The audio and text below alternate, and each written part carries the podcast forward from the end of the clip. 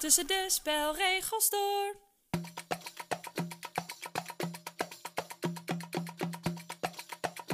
In deze aflevering van Tussen de Spelregels Door praten Rick en Daniel met Hans van Spellenwijs en Anna van Budget Spelen in de Dice Tower over het recenseren van spellen.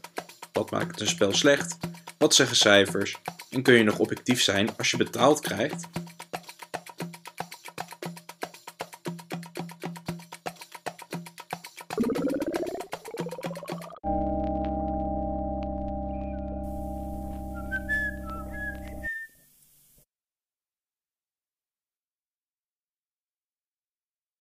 Nou, welkom bij een eh, nieuwe aflevering van Tussen de Spelregels Door. Aflevering zoveel, ik heb geen idee meer. We zijn een keertje zonder Christian. Die is er helaas eh, vanavond niet bij. Dus ook geen een Game Night snack. Maar binnenkort halen we dat in door het over partyspellen te hebben. bier en een Game Night Snacks. Een aflevering waar Christian centraal staat. Maar gelukkig hebben we goede vervanging voor Christian geregeld. We hebben namelijk twee mensen in de podcast. Namelijk Anna Wassenburg van Budget Spelen en The Dice Tower. En uh, Hans Lemmens van de Spellenwijs. Een website met uh, onder andere bordspelreviews. En ook Anna die doet veel bordspelreviews. Dus wij gaan het hebben over, over spellen reviewen. Maar eerst misschien, Anna, twee vragen aan jou. Natuurlijk. Wat is je favoriete spel en wat is je meest gehate spel? Oeh, goede vraag. Wel gelijk die gemene vragen, hè? Ja, um, ik kijken of jij, of jij dat on the fly uh, kan reviewen. Ja, oké. Nou, uh, ik begin wel even met mijn meest gehate spel, want dat is natuurlijk veel makkelijker. Haat uh, kun je makkelijk oproepen. Um, en um, nou, dan moet ik wel zeggen, dat is Mountain of Madness. dat is een spel van IELO. En ze het doet, waarom ik het zo haat, is omdat het doet alsof het coöperatief is. Maar dat is echt één diepe leugen. Uh, en het doet ook alsof er punten te verdienen zijn, alsof je kan verliezen, maar je kan niet verliezen. En wat ik dan nog het allerergst haat, is het doet ook nog eens alsof je um, um, kunt, ja, invloed kunt hebben op de uitkomst. Maar ondertussen moet je uh, gekke opdrachten gaan doen, uh, als um, dat je niet met je partner mag praten of degene naast je, of dat je er een dansje bij moet doen en allemaal zulke onzin.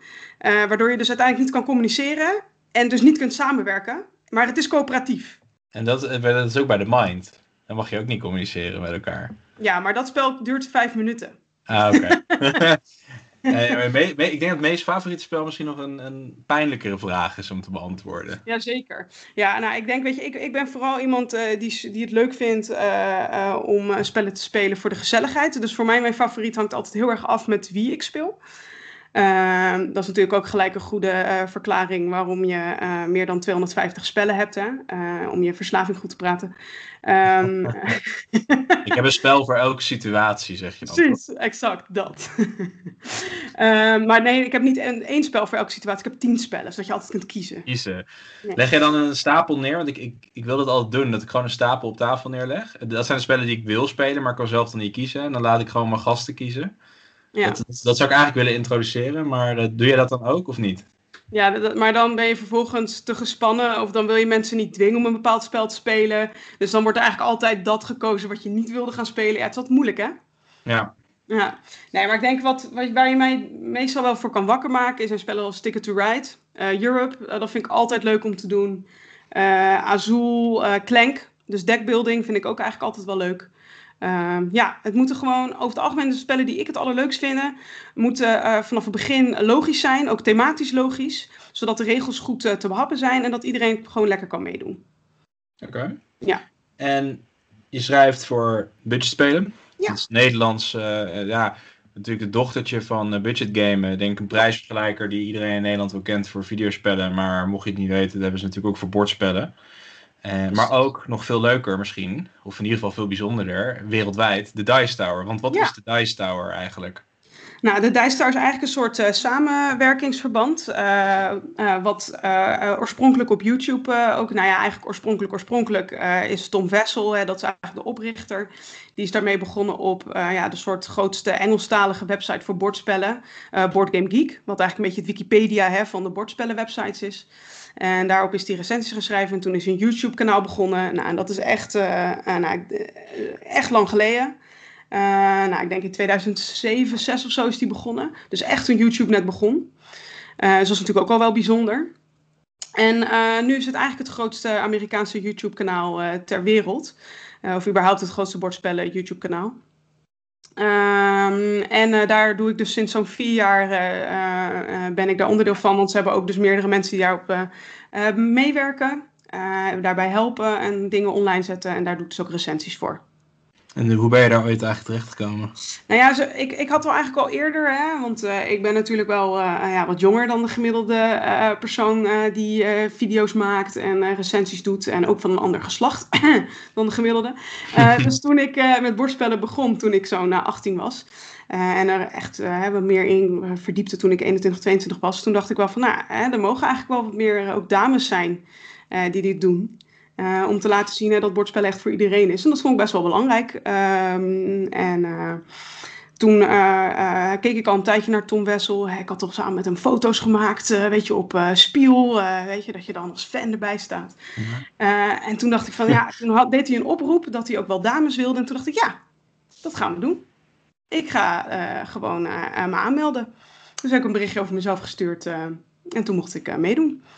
En uh, daarvoor had je nog nooit, had je nog nooit video reviews? Jawel, voor budgetspelen. Ja, voor oh, budgetspelen. Oh, yes. ik, ik had namelijk het idee dat jij eerder bij, uh, bij Dice Tower zat een budgetspelen. Maar je zat, nee. het was dus andersom. Ja, nee, dus, dus, ah, okay. het ontloopt elkaar niet veel hoor. Ik denk iets van acht maanden of zo. Uh, maar inderdaad, mijn eerste videorecensie, die staat dus op budgetspelen. Dus pakken die zak. Hey, dat van... een snelheidsspelletje. Van 99 Games. Ja, de, de soort budgetbak bij de budgetbak van de kruidvat. ja. Uh, dus dat, uh, nee, dat was mijn eerste Nederlandstalige. Ja. Oké. Okay. Hans. We, gaan, we komen straks. Ja, we komen straks nog wel op, op andere uh, punten. ik, heb, ik heb genoeg vragen ook aan jou, Anna. Maar ik, voordat, voordat we Hans vergeten. Hans, spellenwijs. Wanneer ben je het begonnen? Waarom? ik ben het in, in 2000 uh, ja, eind 2015 is een beetje het idee gekomen. Ben ik dingen op papier gaan zetten. En echt uh, januari 2016 uh, ben ik ja, ermee live gegaan. eigenlijk ook alleen het blog. Ehm, en ik ben ermee begonnen omdat, nou ja, ik, ik had een hobby en dat, ja, dat, dat is bordspellen. Dat zijn bordspellen. En voor mijn werk in het dagelijks leven houd ik me bezig met online marketing. Uh, met name een stukje uh, zoekmachine marketing. En ik weet niet of mensen het begrip uh, SEO kennen, of zoekmachine optimalisatie in het Nederlands. Um, en daar hield ik mij al heel veel mee bezig voor klanten. Um, en ik, ik wilde eigenlijk, of, ja, het tekstcontent is daar eigenlijk een onderdeel, een heel groot onderdeel van om, om gevonden te kunnen worden in zoekmachines. En ik wilde eigenlijk gewoon een stukje werk combineren met mijn hobby van, hé, hey, wat kan ik daar nou mee doen? Um, en uh, ja, daar kwam eigenlijk gewoon spellenwijs uh, uit. Ik heb zelfs, uh, maar dat was nog het jaar eerder, heb ik overwogen om een blog te maken over filmmuziek. Dat is een andere hobby van me. Maar oh, dan dat... heb je een goede met Rick. Ja? Ja, oh, ja nee, ik denk als, als Rick zou mogen kiezen waar hij een website over zou maken, is filmmuziek uh, eentje bovenaan. Uh, dan ga ik je geheim vertellen over Rick meteen. Maar misschien dat we dat een andere keer kunnen doen. Is een, uh, want ik weet niet of je James Bond fan bent, Hans. Nou, nee, niet per se fan. Oh, nee, want Rick die hoeft alleen maar een, een klein gedeelte van een muziekstuk uit een James Bond film te horen. En hij kan precies vertellen uit welke film het komt en op welke minuut bijna. Ja, ik kan meestal wel scène omschrijven en de film bepalen, maar uh, moet ik wel even afkloppen voor alle Roger Moore films. Want die lijken toch wel een beetje op elkaar, vind ik zelf. Maar, uh, nee, maar ook, voor, ook voor andere soorten films hoor. Het is ik had laatst toevallig nog zit. Ik had laatst nog toevallig de discussie met iemand uh, over dat filmmuziek van tegenwoordig toch niet hetzelfde is als vroeger. Dus, ja. welke, welk kamp koos jij? Ja, uh, die, die, het juristenkamp, het hangt er vanaf. Want ik, nou ja, ik, ik, denk wel dat er ook nog gewoon uh, zeggen dat er fil filmcomponisten zijn die, uh, die nog steeds erg goed werk leveren. Ehm, maar goed, we kwamen op een, gegeven, maar op een gegeven moment kwamen we toch dan op het, hoe zeg je dat, het splijtstuk over Hans Zimmer. Oh, waarvan ja. ik denk van, ja, die, die heeft, echt, die heeft echt hele goede dingen gemaakt. Maar ja, tegenwoordig als ik Gladiator kijk, en die staat ook al in mijn hoog in mijn guilty, eh, guilty pleasure lijstje, dan, dan hoor ik wel steeds Pirates of the Caribbean aan het begin. Dus eh, ook, ook hij heeft zo zijn zwakte. Maar goed, het beste blijft nog altijd uh, Ennio Morricone. Maar goed, ik zal hem even ophouden, want het is tussen de spelregels Dus door. Niet, ik, niet ik vind het heel verleidelijk om er ook over, over door te praten nu, maar moeten we inderdaad niet doen. Laten we een keer een aflevering maken tussen de noten door en dan... Nou ja, maar dan wil ik wel, ik, ik wil wel even weten wie dan, eh, Hans, wie zijn jouw favorieten? En waarom? Ah, ja, Ja, nou meteen over je woordspellen doorgaan. ja, als we, ik, eh, je houdt het antwoord voor mij te goed. Zullen we het daarop houden? Want het is een, eh, ja, misschien ook wel een juristenantwoord. Het hangt er vanaf. Nou, maar, maar Hans, geen, eh geen filmmuziekwebsite, maar een eh woordspellenwebsite. Ja, Eh, ik weet niet of de wereld daar beter of slechter door is. Misschien dat je het ooit nog een keer terug kan eh, roepen. Dan heb Ja, je in ieder die- geval één bezoeker aan Rick. Ehm, maar ga verder, de spellenwijs. Ja, nee, in, eh, in, eh, in 2016 is dat eigenlijk gewoon begonnen als, als hobby. Iets wat ik naast, eh, naast, mijn, eh, ja, naast mijn, mijn, eh, mijn gewone werk deed in de avonduurtjes. En eh, ja, ik ben, ik ben vooral begonnen met het schrijven over eh, eh, strategieën. Van hoe kun je nou een bepaald bordspel winnen? Welke tactieken moet je gebruiken? Eh, wat zijn nou tips om te winnen? En het idee was erover van ja, mensen zoeken ernaar in Google. Ehm, maar ik zag dat heel weinig mensen daar überhaupt over schreven, zeker in Nederland. Dus ik dacht, nou, als ik daar nou eens over ga schrijven, dan ja, kan ik daarop gevonden worden. En dat gebeurde inderdaad. Ja, daarna kwam voor mij een volgende stap van ja, waar kan ik dan eens over gaan schrijven? Eh, toen kwamen wat meer eh, eh, inspiratieblogs. Dus dat ik een lijstje presenteerde met leuke spellen voor twee personen of familiespellen, dat soort dingen. Ehm, en toen die lijstjes een beetje voor mijn gevoel opraakten, toen dacht ik, ja, waar kan ik nou over schrijven? Eh, ja, en toen kwam eigenlijk, ja, eh, de, de reviews kwamen toen eh, om de hoek kijken. En ja, het, het is in, dat opzicht ook een, een makkelijke vorm van, van content om te creëren natuurlijk. Ik bedoel, je hebt een spel, daar kun je iets over vertellen. Dat is makkelijker dan wanneer je inderdaad een bepaald gedachtegoed over iets op papier wil zetten. Dan moet je toch weer ergens kennis van hebben. Maar zo is het eigenlijk, eh, ja, zo zijn er verschillende soorten dingen waar ik uiteindelijk over ben gaan schrijven op, eh, op spellenwijs. Ehm, ja, en nu eh, vijf jaar later nog steeds. En voor jou dezelfde lastige vraag die ik aan, aan Anne heb gesteld. Wat is je meest gehate spel en wat is je, welke zou je het liefst elke dag uit de kast pakken? Het meest gehate spel, ik denk dat ik er geen vrienden mee ga maken. Maar als ik, als ik voor bij mezelf afvraag welk spel heb ik nou echt vaak afgekraakt, dan is dat gewoon eigenlijk Catan. Eh, en de reden is voor mij heel simpel. Eh, het, het, bedoel, het is wel een tof spel. Ik ben daar ook de, de, ja, de, de Eurogame-wereld in, mee ingerold. Maar eh, ik, ik, ja, weet je, er, er zit zoveel, ehm, zoveel geluk in. En je kunt nog altijd nagaan van ja, maar je moet op de juiste manier op het bord gaan plaatsen. Dan kun je je kansen maximaliseren. Dat klopt wel. De 8 wordt statistisch gezien ook wel weer vaker gegooid dan een 12 bijvoorbeeld. Alleen voordat statistiek pas werkt, eh, heb je wel weer zoveel worpen nodig. Wil dat ook wat zeggen? Dus ik had uiteindelijk altijd dat ik met vrienden speelde. eh, en dan ging ik bij de goede cijfers staan. En zij zaten bij een, bij een 12, een 11 en een 3. En dan werden in de beginfase hun getallen toch steeds gegooid. En nou ja, dan denk ik uiteindelijk van ja, dan probeer ik het nog goed te doen en dan lukt het niet. En eh, ja, dat heeft voor mij uiteindelijk gemaakt dat ik dacht van ja, weet je, als je daar niet op kan sturen, als je niet een bepaalde grip op een spel kan, kan hebben, dan spreekt mij dat persoonlijk minder aan. En ja, misschien ben ik wel iets te hard voor, eh, voor Catan, omdat het echt wel een groot deel is geweest wat ik eh, toen ik ja, jaartje of 15, 16 was, heb ik dat echt veel met vrienden gedaan.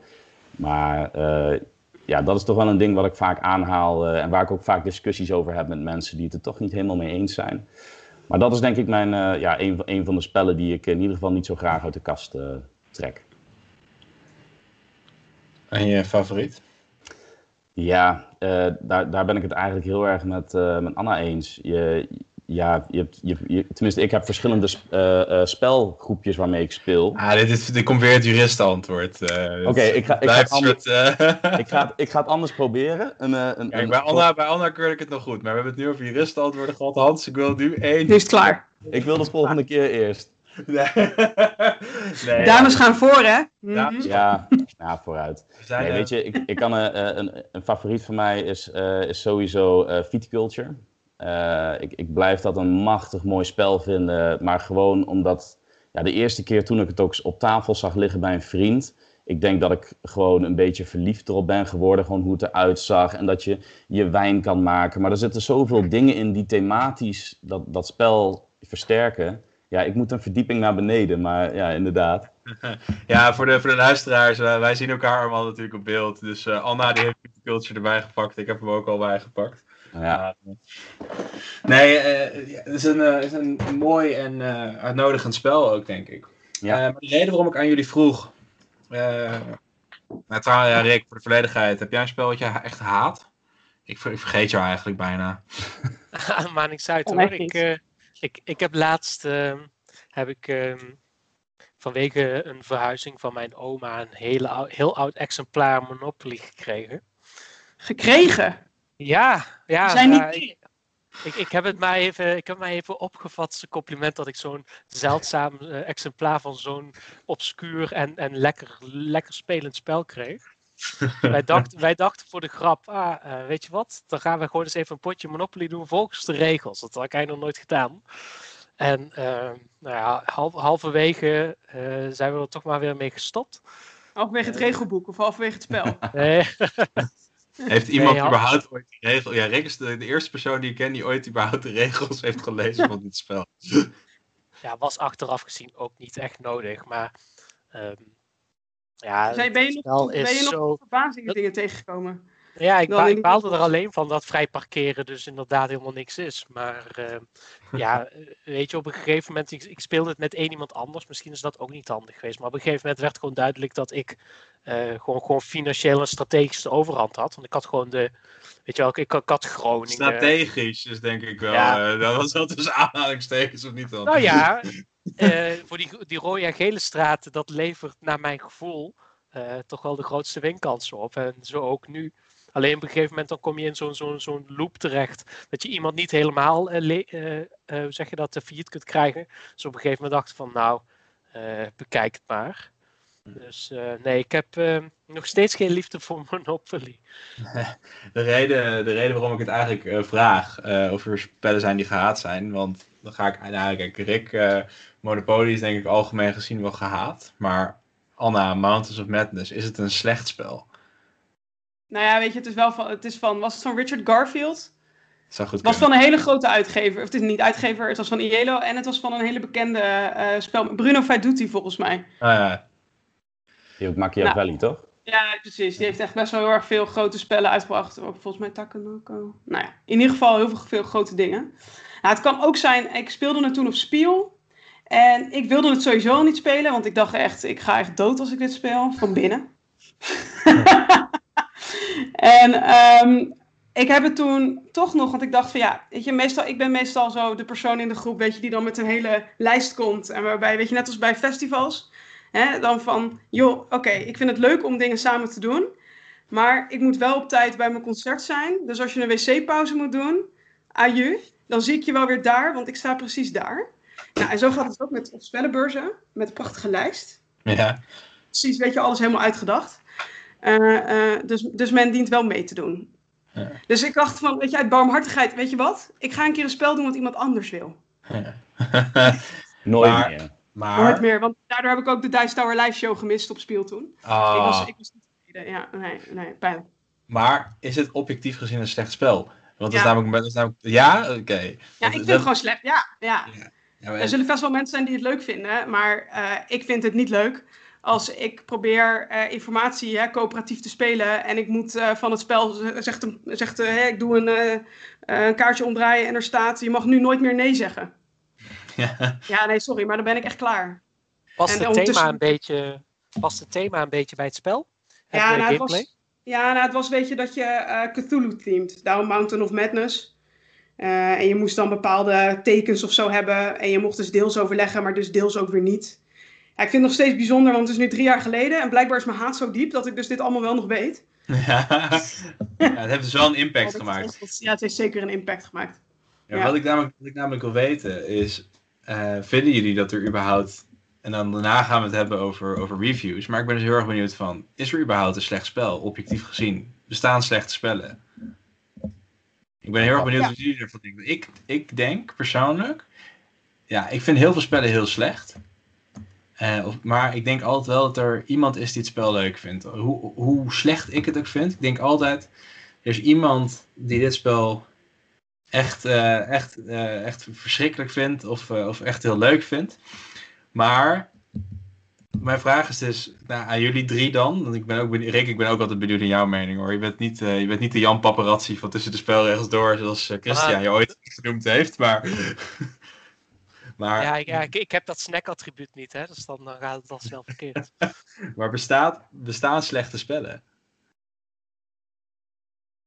Ah, ik heb hier wel een slecht spel eigenlijk. Het heet Cryptocurrency. En ehm, het is eigenlijk ook pure kans. En in dat opzicht past het thema er heel goed bij. Maar het maakt het, eh, het maakt niet bijster leuk om te spelen. Zelfs ook niet als jij heel erg van cry- crypto of zo zou houden. En ik heb toen, eh, ik heb dit spel gespeeld, ook, ook voor een recensie voor jouw Insta-pagina, Daan. Ja. En ik eh, heb er toen heel lang over moeten nadenken van, ja, wie, wie zou in godsnaam dit spel willen spelen? Mhm. En uiteindelijk ben ik op de conclusie gekomen van, nou ja, misschien als je heel erg eh, op, opgewonden raakt van bitcoin, maar heb je daarna ook, heb, heb je als je dan, als het thema al interesseert, heb je dan wel plezier aan het spel? En dat betwijfel ik nog steeds. Dus ik denk, slechte spellen bestaan zeker, als je er geen plezier aan kunt beleven. Nou ja, weet je, het is überhaupt, ik denk, weet je, slechte spellen, er bestaat slecht speldesign. Een slecht spel, spe- spel qua ontwikkeling. Als jij eh, ehm, opeens met een bepaalde gooi kan winnen, hè, maar tegelijkertijd is het spel, duurt het twee uur, maar als je toevallig iets gooit, dan kan het wel.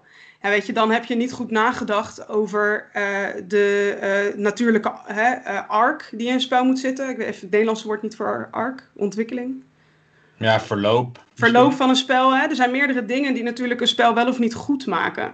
Hè, hoe het thema is geïmplementeerd, ehm, hoe het regelboek is. ehm, en sommige spellen hebben juist geen thema, dus dan moet het eh, tactisch goed in elkaar zetten, strategisch. Ehm, eh, en sommige spellen, dan kan het ook best wel zijn dat het alleen maar om gooien gaat. Maar dan moet dat wel kloppen met bijvoorbeeld de spelduur. Ehm, en dat je hebt bedacht, eh, oké, voor wie is dit spel bedoeld?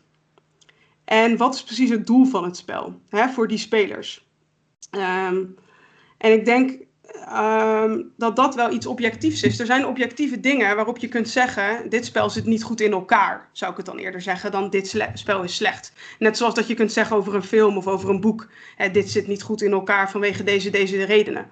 Dan kun je nog steeds zeg maar hè, zelf vinden: hey, ik vind het wel leuk, hè, ondanks dat het Hè, bijvoorbeeld, eh, nou, er zijn genoeg mensen die eh eh, The Mind bijvoorbeeld hartstikke leuk vinden. Hè, maar het is deels wel eh, op geluk gebaseerd. En dat is voor sommige mensen wel of niet leuk. Maakt het dat een slecht spel? Nee. Wel voor, hè, wat is het doel nou precies? Nou, dat is gewoon even gezellig samen spelen met een grote groep. En een beetje ginnegappen. Terwijl je hè, eh, eh, bijvoorbeeld wat borrelnootjes aan het eten bent en een drankje aan het doen bent. Nou, dan is het prima. Cards Against Humanity, ja. Nou, hè, op een bepaald moment heb je alle grappen wel gehad. Maar vind je wel dat je het spel spel mag noemen als het eigenlijk puur op geluk gebaseerd is? Ja. En, maar dat gaat ook wel weer dieper natuurlijk. Van wat maakt een spel een spel? Wat is überhaupt een spel? Ja, je hebt ook een hele hoop spellen die gaan eigenlijk meer een soort van activiteit. Nou, bijvoorbeeld ook de mind. Dat is ook een ook veel- activiteit. De mind zeggen ook heel veel mensen, ja, dat is eigenlijk gewoon een activiteit. Ja.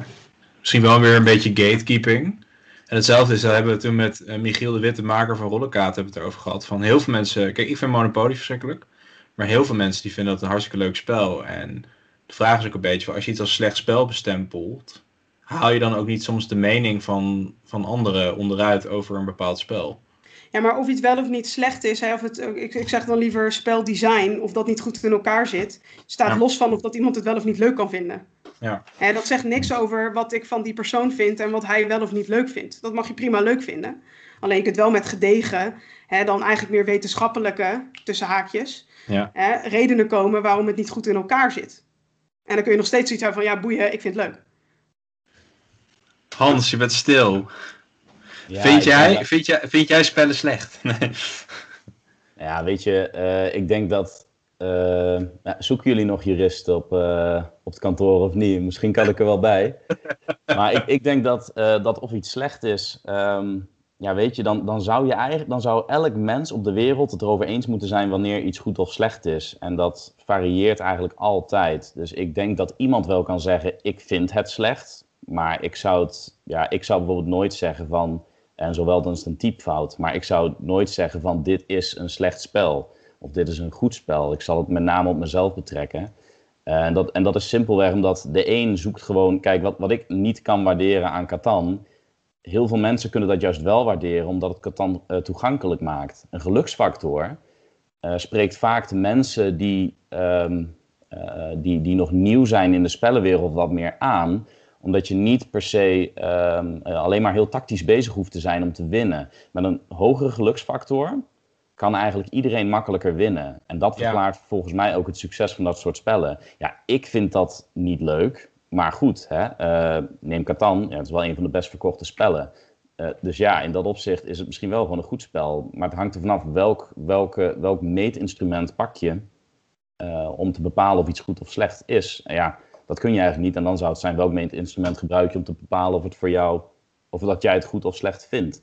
Ja, maar mensen willen dat wel graag horen een review. De reden waarom ik het ook aan jullie vraag, is ik krijg, we krijgen natuurlijk alle drie uh, ook verzoekjes uh, om spellen te reviewen. Uh, die krijg je spellen opgestuurd en van een uitgever wil soms ook gewoon vaak horen van, vind je mijn spel goed of is het spel slecht? En ook van, dan ga ik meteen een beetje vertellen van hoe ik eigenlijk die reviews insteek. Ik probeer in mijn reviews sowieso, mijn reviews zijn met name altijd ja, het is geboren ooit op Instagram. Je hebt daar beperkt tekst. Uh, je mag niet zoveel woorden gebruiken. Uh, mensen lezen eigenlijk ook weinig tekst op Instagram. Dus ook als je doorlinkt naar een website, uh, dan haken al heel veel mensen af. dus wat ik probeer te doen in die hele korte tekst, is een soort van sfeer te geven van het spel. En aanknopingspunten te geven aan mensen van of ze het zelf leuk vinden. Maar nog steeds krijg ik natuurlijk heel vaak de vraag van mensen: maar is het een goed spel of is het een slecht spel? Ik heb daar eigenlijk nooit een antwoord op. En uh, daarom vraag ik het ook aan jullie van, want ik ben heel erg benieuwd van, uh, van is het, ja, ik durf iets niet, te bestempelen als slecht, omdat ik namelijk heel erg probeer in te schatten van voor wie is het nou eigenlijk bedoeld, wie is de doelgroep van dit spel. ook heel lastig te bepalen, want soms weten sommige spellen dat zelf niet eens. Maar, maar reviewers willen ook gewoon vaak horen van is mijn spel, is het spel goed of is het spel slecht? En als je zegt het is goed, dan zijn ze blij. als het spel slecht is, uh, of als je een spel niet leuk vindt, dat is eigenlijk, ik, kan wel zeggen dat ik een spel zelf niet leuk vond, maar dan kan ik misschien zeggen van uh, misschien dat deze groep het leuk vindt. Maar dan heb je toch vaker dat, uh, dat, je, dat je een hele, ja, ook al, je krijgt dan een, meteen een hele negatieve reactie vaak op, op het feit dat je iets, iets slecht noemt, terwijl je natuurlijk eigenlijk gewoon met name in een review je mening verkondigt. Dus daarom heb ik er zelf ooit voor gekozen. Van ik, ik zeg wel, ik geef wel mijn mening. Als ik het zelf echt heel leuk vind, dan, dan, dan raad ik het ook echt aan. Maar voor de rest probeer ik eigenlijk gewoon vooral te schrijven vanuit wat voor een sfeer heeft het spel en wie, wie denk ik dat het aanspreekt. En dat het gewoon heel lastig is om te zeggen van het is een, goed of slecht spel. Maar ik ben, ik ben benieuwd hoe jullie daarmee omgaan.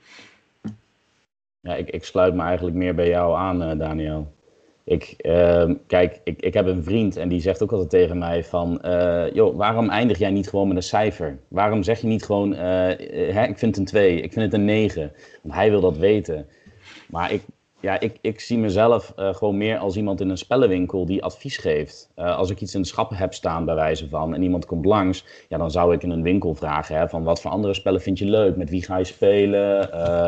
hoe, hoe, hoeveel spelers ben je? En dan ga ik kijken, kan ik iets vinden voor jou? En uh, dan zal ik altijd de spellen, ja, dan zal ik een spel eerder, dan zal ik wellicht opties uh, geven en benoemen van dit vind je waarschijnlijk wel leuk uh, in het spel. Dit zal je aanspreken, dit vind je misschien leuk, want het lijkt hierop. Um, maar ik denk dat ik dan ook nooit in, in zo'n rol ook zou zeggen van ja, dit is, uh, dit, dit, is een slecht spel. Ja, vanuit, ik denk dat ik er vanuit, een, vanuit bijvoorbeeld een blogvorm niks aan heb om te zeggen ik vind het een 2. Misschien dat, dat cijfers ook meer Um, uh, ik, ik heb echt een enorm divers publiek eigenlijk wat dat betreft. Ik bedoel, ik heb eh, Instagram, maar het is mijn blog waar, waar veel bezoekers komen. Instagram, dat zijn volgers die waarschijnlijk mijn foute uh, foto's, gefotoshopte dingen grappig vinden. en die leuk vinden om een beetje geïnspireerd te worden. maar op de mensen die echt naar mijn blog gaan, die zijn ook echt geïnteresseerd. Maar dat, dat is zo'n divers publiek. Ehm, ja, ik zou dat niet per se uh, volgers noemen. Kijk, volgers die hebben wat aan een cijfer. Die, die blijven jou volgen en die denken: hé, hey, ik heb dezelfde smaak als, als jou. Dus als ik iets een 9 geef, top, dan wil ik dat ook. Maar geef ik iets een 2, nou, Hans geeft het een 2, dan hoef ik het niet. Maar omdat ik zoveel mensen heb op dat blog die, um, ja, die, die, die puur voor inspiratie of iets komen, die kennen mij verder niet. Als ik dan zeg: ja, ik vind, ik vind het een 2 waard, dan denken die mensen nog steeds: ja uh, Oké, maar ja, dan kan ik wel uitleggen waarom wellicht. Maar dan, dan probeer ik liever gewoon de, de positieve aspecten van een spel uh, te benoemen. En wellicht dat, ja, dat mensen dan op die manier kunnen, kunnen achterhalen of dat het spel ze aanspreekt of niet. En ik, ja, ik benoem ook gewoon negatieve aspecten, want dat ja, is ook gewoon een ding. Als iets een hoge geluksfactor heeft, noem ik het ook. Maar wel uh, met bijvoorbeeld een gevolg van dat maakt een spel wel weer toegankelijker. Dus ja, Anna, jullie geven op budget spelen uh, wel een soort van rating volgens mij. Ja. De, dan de, de budgie, dat is het uh, varkentje van, uh, van budget spelen, de mascotte. Klopt. Van, hoe zijn jullie ooit tot die keuze gekomen om, om dat toch voor te kiezen om een soort van cijfersysteem te hanteren? Want er is waarschijnlijk heel veel discussie over geweest. Als ik ja. uh, oude videospel uh, blogs van vroeger waar ik eens aan mee heb geschreven uh, kan herinneren, dan is er waarschijnlijk een hele hoop discussie over geweest. Nou ja, het was um, op zich redelijk simpel. Want het ding is, we begonnen ooit wel met gewoon een schaal van 5. En um, dan kom je inderdaad, uh, ook wat Hans zegt, dan loop je er ook gewoon tegenaan dat uh, er dan een heel erg waardeoordeel aan wordt gegeven. Terwijl uh, het redelijk persoonlijk is, zo'n cijfer. Um, en het gaat er eigenlijk meer om de redenen erachter. Hè? Waarom, bijvoorbeeld bij zo'n hoge geluksfactor inderdaad, waarom is dat nou wel of niet een nadeel of een voordeel in dit spel? Dat is veel belangrijker dan als je helemaal snel naar beneden scrolt en ziet wat dat, hè, uh, wat dat cijfertje is. Um, maar het is denk ik wel belangrijk hè, om uh, aan te kunnen geven, ook voor wat je ook al zei, ook voor uitgevers, die willen toch ook wel een beetje weten van wat is nou wel of niet goed. Want dat vinden ze ook wel fijn. En um, toen hebben we er eigenlijk voor gekozen om een soort ja, omgekeerd cijfer als in, als, het, als we het echt goed vinden, en dat is eigenlijk net zo beetje als de Dijstar het doet niet geheel toevallig. uh, dus dat, hè, die hebben ook uh, zilver en goud. Waarbij uh, zilver eigenlijk een 7,5 of hoger is. En goud een 8,5 of hoger. Dus dat is een beetje voor jezelf mentaal. Um, maar er zit niet een letterlijk cijfer aan. Hè, dus dan kun je wel zeggen, dus als het geen, niet zo'n zegel krijgt, hè, van we raden het aan, zilver, we raden het dus, hè, aanrader en dit is, en goud is van, nou, dit is voor iedereen goed. Uh, moet je uitgeprobeerd hebben. Um, ja, dan is er dus niet een soort directe negatieve emotie als die er niet uh, onderaan de review staat. Maar dan heeft de lezer wel enigszins, hè, als ze het vaker lezen, hè, wat ook Hans zegt, als je wel echt zo'n die volgers hebt die weten wat je mening is, dan kunnen die wel een beetje een lijn zien. Van nou, hè, dit heb je een goud gegeven, dit een zilver. Maar voor de uitgever, en dat is natuurlijk ook iets heel belangrijks, je hebt toch een bepaalde, um, zeker omdat het wereldje zo klein is, vergeleken bijvoorbeeld met uh, games reviewen, wat een miljoenenindustrie is. En dat, dat is bordspellen niet. Dus um, je hebt redelijk direct een intiem contact met uitgevers. Dus iets een negatief cijfer geven, kan nog wel eens consequenties hebben. En kan heel erg naar overkomen. En dat is ook iets, hè. Uh, um, waar je natuurlijk rekening mee. Ja, het, het is niet fijn om negativiteit ook uh, uit te stralen. Je wil veel liever positief over iets zijn. Ja, dus dat is een beetje eigenlijk. Vooral, het is dus ook vooral commercieel interessant om uh, niet negatief te zijn, begrijp ik eruit. Ja, nou maar ja, weet je dat ik denk dat Daan en Hans het ook wel zullen beamen. Weet je, het is niet leuk om negatief te zijn. En uh, uitgevers zullen het niet altijd in dank afnemen. Dus dan is het makkelijker om het een beetje in het midden te houden. Van hè, als je dan inderdaad geen cijfers geeft nou ja, daarmee hou je het al per definitie in het midden. Ja. Uh, en daarnaast inderdaad, hè, als jij een review inderdaad, nou ja, review, hè, je aanbeveling meer schrijft als in, hè, zoals Hans dat inderdaad uitlegt, alsof je in de winkel staat en advies geeft, ja, dan, dan uh, raak je die negatieve connotatie natuurlijk ook een beetje kwijt. Ja. Want ik Waarmee je jezelf beschermt. Ja, want ik vind het, ik vind het, ik, ik vind het soms nog best wel lastig om, uh, om inderdaad heel kritisch te zijn. Ja, maar dat is ook... En, uh, en daarom had ik, want ik, jij durft nog best wel kritisch te zijn, Anna. Ja. maar komt het dan een beetje in het format? Want voor de, voor de luisteraar, ik, ik mag hopen dat de, dat de meeste, meeste jou wel kennen. Um, mag ook niet hoor. ja, nee, als je Anna nog niet kent, uh, nou, Anna maakt uh, leuke filmpjes, ook vaak met je, met je jongere zus, uh, die wat minder in, in de spelletjeswereld zit. En jullie geven eigenlijk vaak nog gewoon de grondige uiteenzetting van het spel. het zijn reviews die, die jongen best wel, nou ja, ze kunnen best wel lang duren. videoformat. Dus daar kun je, ben je misschien sowieso al anders aan het reviewen, omdat je dan vaak ook meer misschien een, een, discussie soms hebt over het spel. Um, maar jij durft dan best wel kritisch daarin te zijn. Ja, maar dat, ja, weet je, het is voor mij, ik vind dat ook wel belangrijk. Uh, want ik vind als je rec recenseert, dan moet je ook wel recenseren. En daarbij is het wel belangrijk hè, om je persoonlijke mening, en dat vind ik heel belangrijk, hè, als je eerlijk wil recenseren, je persoonlijke mening en je professionele mening apart te houden. En daar zit een beetje, hè, waar we het al eerder over hebben gehad, het verschil tussen, vind ik dit objectief een goed of een slecht spel? En daarbij kijk je dus echt naar hoe zijn de regels geschreven, hoe is het thema geïmplementeerd. Eigenlijk een beetje echt van die droge uh, dingen. Um, en vind ik het leuk? Hè? Werkt het allemaal samen? En dat vind ik ook belangrijk om te benoemen. Hè? Dat je soms ook kunt zeggen, bijvoorbeeld Nora en ik hebben ook bijvoorbeeld een twee-spelerspel uh, van een einde gerecenseerd Parijs. Um, nou, dat zit hartstikke goed in elkaar. Het is strategisch, je moet lekker tegen elkaar ingaan. Alleen Nora en ik vinden dat gewoon niet fijn om te doen. om zo gemeen tegen elkaar te zijn. Dus dan is dat wel belangrijk om te zeggen van joh, het zit heel goed in elkaar. Maar het is heel uh, gemeen. Het is heel gemeen. En dat vonden wij zelf niet leuk. Maar hè, daar ben je dan wel dat je zegt, we vinden het wel een goed spel. Ja. En, en dat vind ik wel belangrijk om apart te houden. Nee, ja, wij hebben... Um, we hebben vandaag voor het eerst uh, My City gedaan. Uh, ik, ik en mijn vriendin. Heel leuk spel. Maar uh, tot nu toe ontbreekt de speler interactie. Die is er niet. En dus dat ga ik ook zeker benoemen. Van, ik denk wel van dat zijn dan wel dingen. Maar ik denk dat ik misschien in de toekomst zelf meer dat soort dingen wil noemen. of echt inderdaad van. maar ja, dat kan dus op Instagram niet. Maar dan moet ik dan misschien toch op de website gaan doen. Inderdaad, gewoon weer soort lijstjes maken van welk genre is het. Uh, wat spreekt het aan? Vergelijkbare spellen die, uh, die je misschien hebt gespeeld. Van, vind je dit leuk? Dan vind je misschien dit ook wel leuk. Maar ik denk dat ik dat eerder zou willen doen dan inderdaad um, de cijfers of zo gaan geven. Of een, of een, of een, waarde, een eigen waardeoordeel eraan te hechten. En misschien dat het dan geen review is. Want ik heb het wel eens met jou over gehad, Anna. Dat je heel veel. Nou, er zijn sowieso. Dan ga ik even mijn boek doen over de hoeveelheid Instagram-accounts die er nu zijn uh, over spelletjes. Uh, bordspellen zijn immens populair, maar god, wat zijn er een hoop accounts. En um, op de taalfouten en het gebrekkige Engels daar gelaten, want daar zit het ook vol mee. er zijn heel veel inderdaad waarvan de review drie regels zijn, waarin in drie regels het spel wordt uitgelegd. Vind ik nog best knap hoor, dat je in drie regels een, een spel uitlegt.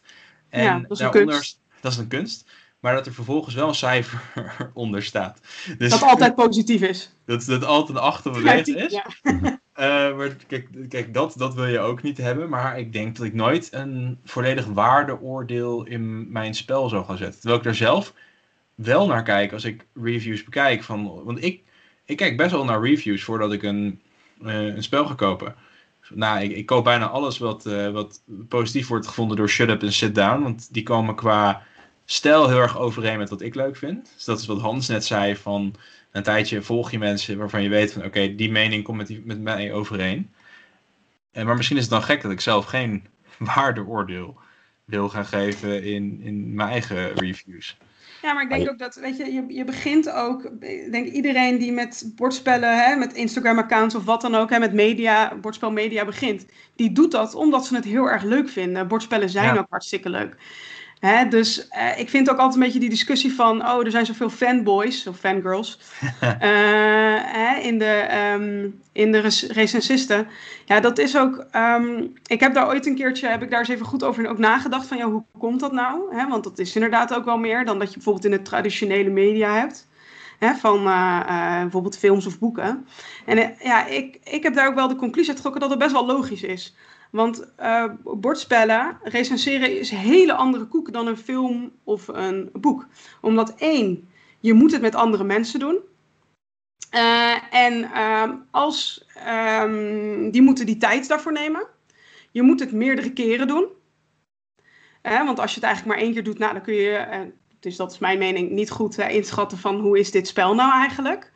Ehm, en als het dus niet leuk is, dan moet je dus, terwijl je eigenlijk al hebt al één keer gespeeld, nou dan heb je het eigenlijk al drie mensen ook aangedaan die het waarschijnlijk ook niet zo heel erg leuk vonden. En dan moet je dat nog een keer gaan spelen, nog een avond vrij plannen, hè, om het nog een keer te gaan spelen, terwijl je eigenlijk al weet, ja, dit is eigenlijk niet zo leuk. En dan moet je ook nog eens daarover gaan schrijven, of in mijn geval een video maken nog meer tijd kost. Ja, dan heb je eigenlijk al gewoon ehm, veel minder zin om je op de negatieve dingen te gaan focussen. Of dat is al veel minder fijn. En dan een film of een boek wat je één keer doet, wat alleen maar jezelf meestal tijd kost. Dus ik denk dat dat dan ook deels de reden is, naast dat het dus een kleine industrie is en je veel meer direct contact hebt met uitgevers.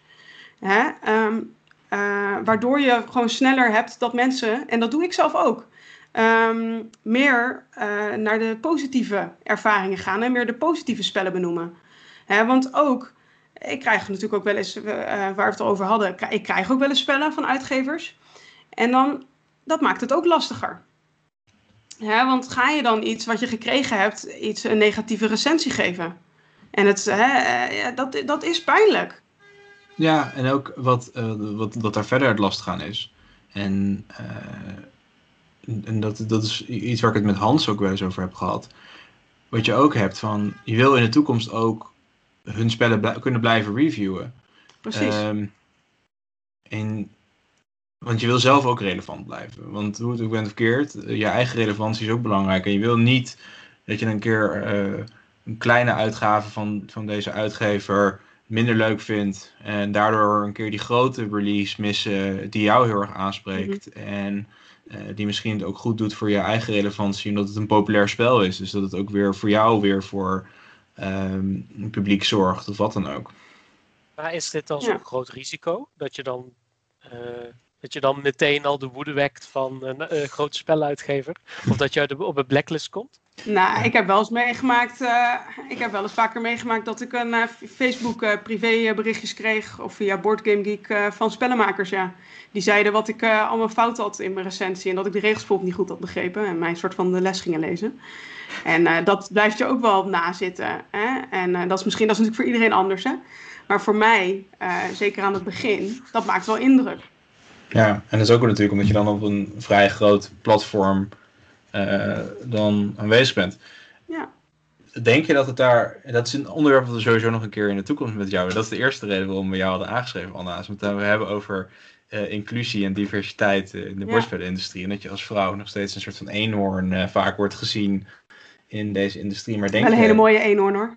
Ja, het, denk je dat dan, dat het dan meespeelt. Dat is dan iets waar ik me meteen afvraag van...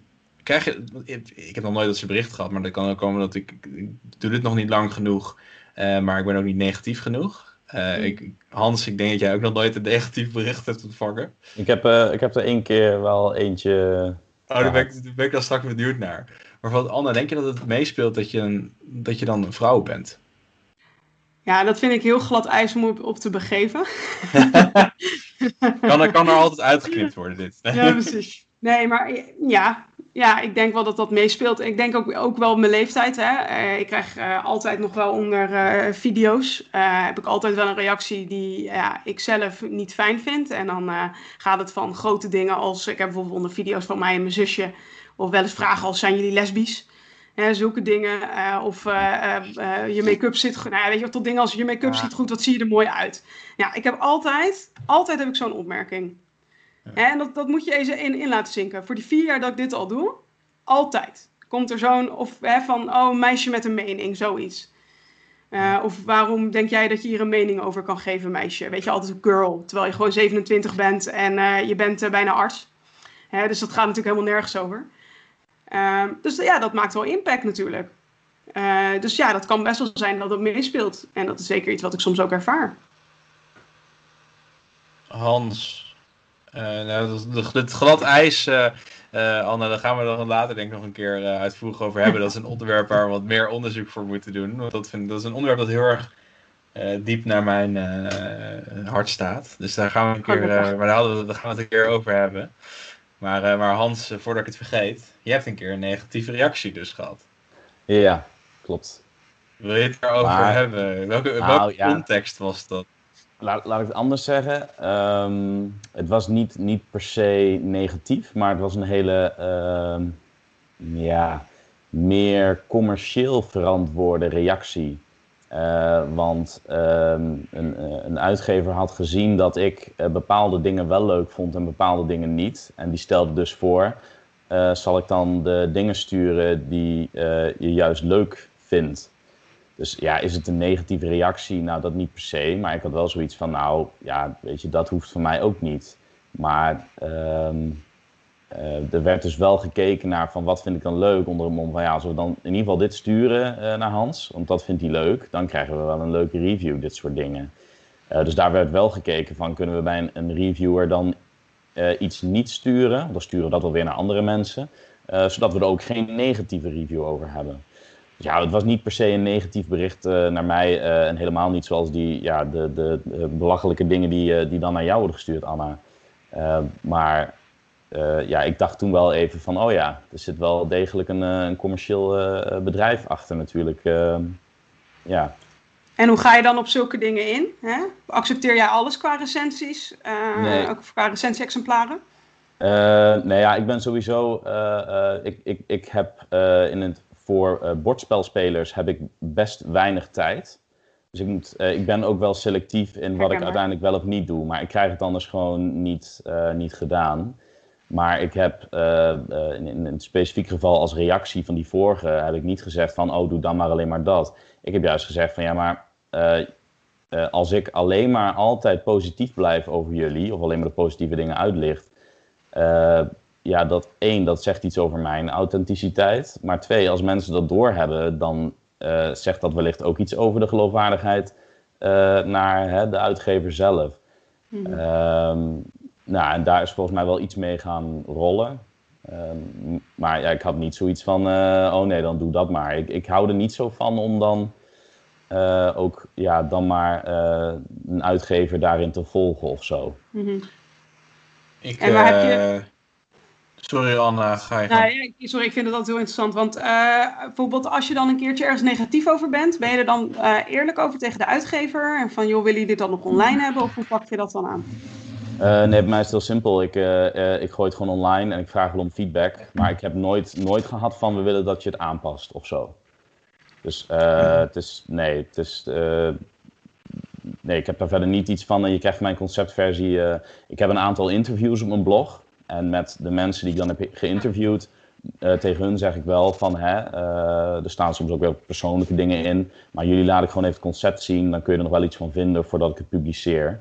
Uh, maar dan is het niet per se een, ja, dan zit er niet zo'n zo'n commerciële insteek achter nee, of zo. Precies.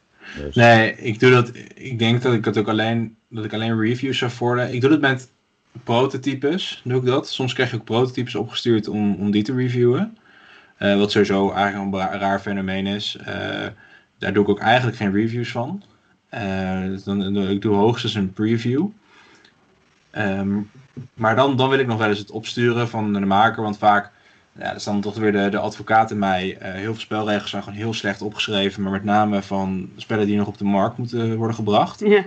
Dus de enige keer dat ik denk van ik stuur een, een preview op naar een uitgever is van misschien mis ik iets of misschien snap ik iets niet. Dan zou ik het naar het opsturen. Dat kan ook. Ja.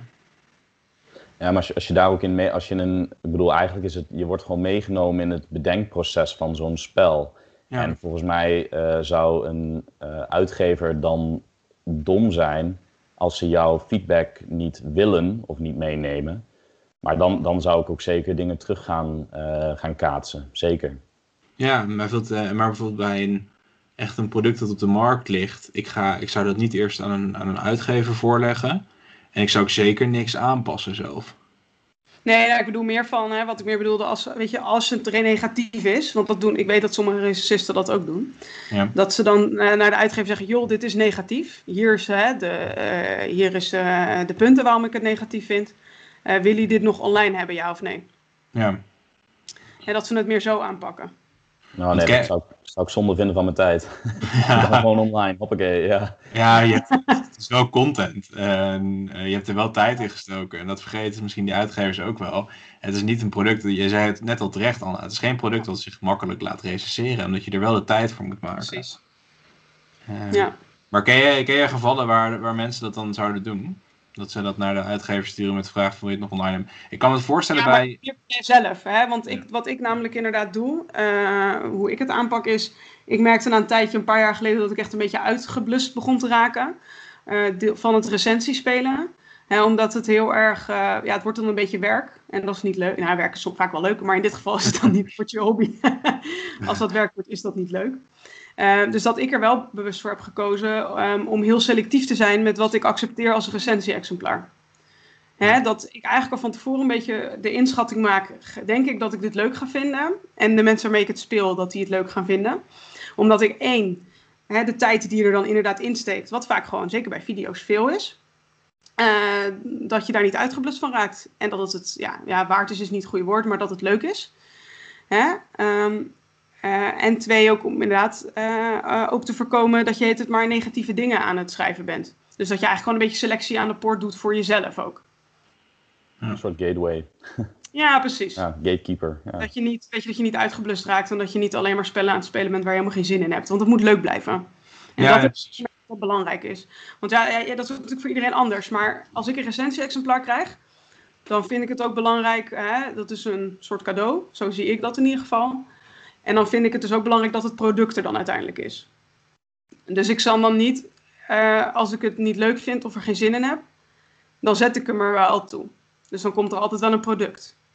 Ja, ja en meest, ik weet bijvoorbeeld, eh, ik, eh, ik sta bijvoorbeeld bij Stonemeyer eh, op hun, zo op hun, op hun review, eh, reviewerslijst, of erkende reviewerslijst.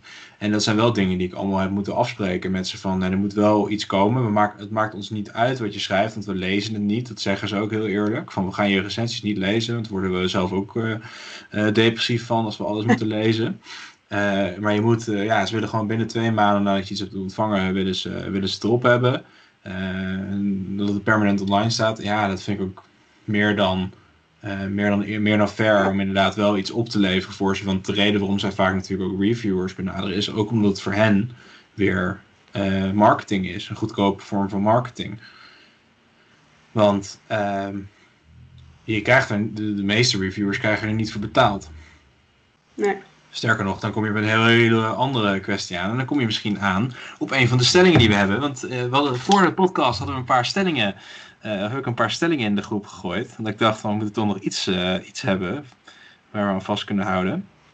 En een van de stellingen is dat betaalde reviews eh, nooit objectief kunnen zijn. En eh, hoe, hoe geschiet de betaling dan? Ja, Nou, ik weet ook niet. Ik heb, ja, nee, ik, ken, ik ken ze niet hoor, de mensen die betaald krijgen voor reviews, maar ze zijn er. Eh, maar ik denk dat, dat je dat gewoon moet zien als van, we willen dat jij deze review plaatst en daar krijg je een bepaald geldbedrag voor. Ik, heb, ik zou niet weten wat dat geldbedrag dan zou, zou inhouden. Maar dat is Komt- wel hoe het zo- inderdaad is. Komt zoiets veel voor dan in de bordspelrecensiebranche? Of, eh, Nee. Nee, ik denk het niet. Ja, weet je waar je het wel veel in hebt? En dat zijn eh, ehm, dat, eh, de accounts die voornamelijk op Kickstarter gericht zijn. Daar heb je het wel in. Hè? Eh, en daar heb ik soms wel moeite mee. Want dan heb je een Kickstarter eh, pagina. Eh, voor de mensen die niet weten wat Kickstarter is, dat is een manier, een website waar je dan eigenlijk een spel vanaf het begin kan helpen om te ontstaan. Ehm, eh, terwijl het eigenlijk dus nog in de pre-productiefase zit. En voor hun is het dus dan natuurlijk als maker heel erg belangrijk dat er mensen zijn die het spel wel gespeeld hebben. En kunnen zeggen, joh, dit is tof, hè, ondersteun dit spel om gemaakt te worden. Ja, en in, daarin zie je wel heel veel dat er dan zo'n hele rits is dan aan de onderkant van de pagina met iets van acht video's van recensies, hè, met het kopje recensies. Eh, waarvan ik zoiets heb van ja, dit is geen recensie, dit is een eh, promotiepraatje. Dus zulke kanalen, eh, ik ga geen namen noemen, die dat eigenlijk voornamelijk doen. Hè? Ehm, ja, die worden wel betaald. En daar heb ik soms wel moeite mee. Dan denk ik van, joh, noem het dan gewoon een beetje bij naampje. Hè, dat het een preview is, ehm, hè, of dat, het, dat je ervoor betaald bent enzovoorts. Eh, dan dat het onder het kopje recensie verschijnt. Ja. Want dat is niet wat het is. En daar Ja. heb ik dan meer moeite mee dan dat ze betaald krijgen. Ja, kijk, wat het wel zo is, maar dat wordt natuurlijk niet gedaan. Maar er speelt meteen weer de, de jurist in mij. Is in Nederland moet je het benoemen. Als jij als eh, influencer marketing eh, er betaald voor hebt gekregen. Wij Ja. moeten ook al benoemen eigenlijk dat wij die spellen krijgen. Maar daar is ook nu, ondanks een nieuwe wet, even misschien een beetje off-topic, eh, maar dat is toch de nieuwe mediawet nu eh, Ja, het is voor de niet Monica on- Geuzes in het land. Ja. Ja, nee, precies. Het is niet het onderwerp waar Rick en ik in gespecialiseerd zijn. Maar het is wel iets waar ik bijvoorbeeld uit, vanuit Dice Daniel en tussen de spelregels door rekening mee hou. Maar we zouden het in principe moeten benoemen. Maar elke keer valt mij het op als ik die video's zie. Ik voel gewoon aan aan mijn water dat ze ervoor betaald hebben gekregen. Maar ook sommige Instagram posts denk ik van ja, dit, is- dit is betaalde Ja. reclame. Eh, maar dan wordt het er niet bij eh, gezet. Ik heb, eh, dat is misschien heel flauw, ik heb bij sommige Instagram-accounts heb ik ook wel berichtjes gestuurd van jongens, let goed op dat je wel transparant hierover bent, want je kan ermee Ja. in de problemen komen. Ik, Maar ja, maar ik denk, dat je, ik denk dat je daar ook al de spijker op zijn kop slaat. Hè? En dat geldt eigenlijk voor, dan, voor, voor de uitgever of, eh, van het spel en de mensen die het ook daadwerkelijk dan gaan promoten of recenseren of Mhm. eh, welke naam ze er ook aan willen geven. Kijk, je moet, eh, eh, als, je, als je er maar eerlijk over bent van, van hoe, heb je de, hoe heb je die doos in je handen gekregen en eh, eh, ontvang je daar ook nog iets anders voor. En, en misschien Ja. ook wat veel belangrijker is, ehm, ja, eigenlijk de vergoeding die je krijgt, waar, waarom, waarom krijg je die? Is dat omdat je eh, promotie maakt? Eh, eh, op zich denk ik dan zelf van, nou, weet je, laat maar gaan. Zolang je er maar eerlijk over bent. Maar ja, als je echt betaald wordt om positief te zijn, dat, dat vind ik eh, wel een stuk kwalijker. En Ja. kijk, ik snap dat je daar tussen dat, dat, dat uitgever en Instagram influencer of wat dan ook, dat, dat zij daar onderling wel afspraken over kunnen maken. Maar ethisch vind ik dat wel, wel een beetje verwerpelijk. Als jij echt betaald wordt om dan ook daadwerkelijk positief te zijn en je verpakt Ja. het dan ook als een recensie. En het zo Eh, noemt. Ja, ja maar dat, dat is meer, ja, dat weet je, maar dat is al meer weer, weer, weer het e- ethiek van het recenseren. En eh, niet iedereen heeft een even sterk, eh, hoe zeg je dat, een moraal kompas. Dus Ja. ja, ja. Nou, ik denk dat je dat, dat daar, wat mij betreft, wel de grens zou moeten zitten. Waar, waar, waarvoor krijg je betaald? Ik eh, denk dat het ook voor ehm, heel veel accounts, dat ze misschien ook niet eens durven neer te zetten dat zij een review-exemplaar eh, hebben ontvangen. Misschien dat ze juist bang zijn en dat ze dan niks meer krijgen. Of dat ze dan, ehm, eh, of, dat ze dan de, de uitgever voor de voeten lopen of wat dan ook. Maar ik denk dat er in heel veel gewoon ook om de verkeerde redenen of om de foute redenen het niet kenbaar maken. Of ze weten niet dat het moet. Of wat dan ook. Maar ja, dat zou wel eh, in ieder geval duidelijk moeten worden. Ik denk dat daar ook wel een, een verantwoordelijkheid voor de uitgever bij ligt. Dat ze dat wel zouden moeten zeggen. Want ook zij zelf kunnen ermee in de problemen komen. Maar ik denk dat de uitgever er toch ook baat bij heeft als, als die mensen eerlijk zijn dat ze een review-exemplaar hebben gekregen. Ik bedoel, als je, als je eh, bijvoorbeeld wat meer kijkt naar eh, de wereld van filmrecensies en videogame-recensies. Ik, ik kan wel een paar spellen van de afgelopen tijd noemen waar eigenlijk de vijf dagen tot aan eh, de release-datum was het echt, dan, dan had je een selectief groepje journalisten die dan super positief waren en dan na release kom je er eigenlijk achter dat het spel eigenlijk gewoon een hoopje poep is. En, ehm, ja, maar ook dan denk ik van, had je beter eerlijk kunnen zijn, maar nu sta je zelf ook verpaald. Ja, En ik neem die mensen die, die daarin zijn meegegaan ook niet meer serieus. Ik denk dat ik weet over welke game je het hebt. Ik heb die zelf ook op release dag gekocht. Dus ik voel me een beetje eh, eh, persoonlijk eh, aangevallen. Ja. Eh, ik, ik niet, want ik ben in het verleden wel eens vaker daardoor gebeten. Dus ik, En dit was de eerste keer dat ik iets op de pre-order, dat ik echt iets op de release dag gekocht heb. Dat ook nog eens. Nooit, nooit gedaan. pre-orderen, dames en heren. Nooit doen. Ja, precies. Nee, ik had twee dagen van tevoren dacht ik, ja, nou ja, dit Witcher heb ik al helemaal uitgespeeld. Als we nu toch een beetje richting moeten Ah. geven voor de, voor de aandachtige luisteraar. Oh, ja, het gaat over een eh, bepaald spel. Ja, toen heb ik het eh, twee keer gespeeld. Toen dacht ik, weet je wat? Ik, wacht dan nog even. Ja. Ja, maar ik denk, ik denk inderdaad dat het kernpunt daar is van gewoon transparant. Hans, jij zet het altijd netjes eh, bovenaan die, eh, in je reviews. Dus eh, Ja. Nee, ja, maar ik kan me dan, zoals Rick ook zegt, eh, ik kan me dan ook niet voorstellen eigenlijk dat een uitgever daar eh, bij- door beledigd zou zijn. nee. En als hij wel beledigd zou zijn, dan moet hij misschien eens even heel hard nadenken over zijn morele kompas, inderdaad. Nee, ik zeg het omdat ik het een keer, eh, eh, omdat ik dus flauw ben en het een mensen berichtje stuur van, eh, je moet het wel kenbaar maken hè, dat het een review exemplaar is. Dat ik ook een beetje flauw ben, maar ook om ze het voor, voor te behoeden en ook een beetje... eh, een beetje te van- triggeren ook, toch? Ja, ook te triggeren en ook voor mezelf. Van kijk, ik probeer het wel zo transparant mogelijk te doen. En dan hoop ik dat anderen het ook doen.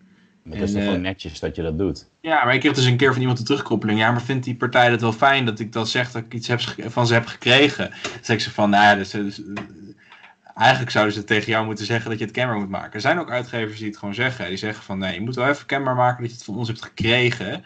Want anders komen we er zelf mee in het probleem. Want in sommige Ja. landen is het ook, ook zo dat je... eh, dat de uitgever er een boete voor kan krijgen als zij niet duidelijk instructies hebben gegeven aan, aan een website of een blog of een influencer of wat dan ook. Nou. Ehm, Hans, jij bent wat, wat de com het commercieelst van ons allemaal. Je hebt het natuurlijk vanuit een marketingperspectief. Ja, stel je voor, noem het eens iets, eh, White Goblin Games, 99 Games, Hot Games. Eh, omdat we Hot Games moeten we elke podcast noemen, dus daarom noem ik ze maar even. Maar gewoon? Hoeveel krijg je ervoor, Daan? Nee, ik, ik krijg er helemaal niks voor, maar... hebben Hashtag no spon. Ja, hashtag ja, no- ja, ja. Hashtag no spon. Nee, we hebben, Ga je even een berichtje zo sturen eh, over je integriteit? eh? nee, we kwamen er laatst achter dat we, dat we ze eigenlijk elke aflevering noemen, maar dat was puur toeval. Eh, maar stel je voor, hypothetisch geval, of we noemen een andere uitgever, 777 Games, eh, stuurt jou hun, eh, hun nieuwe release. Ehm, en ze zeggen daarbij jou tegen jou, Hans, van Hans, je krijgt eh 1500 euro als jij, ik weet niet of dat een reëel bedrag is, ik heb echt geen idee. Wel dat is lekker. wel Is, iets, iets te hoog.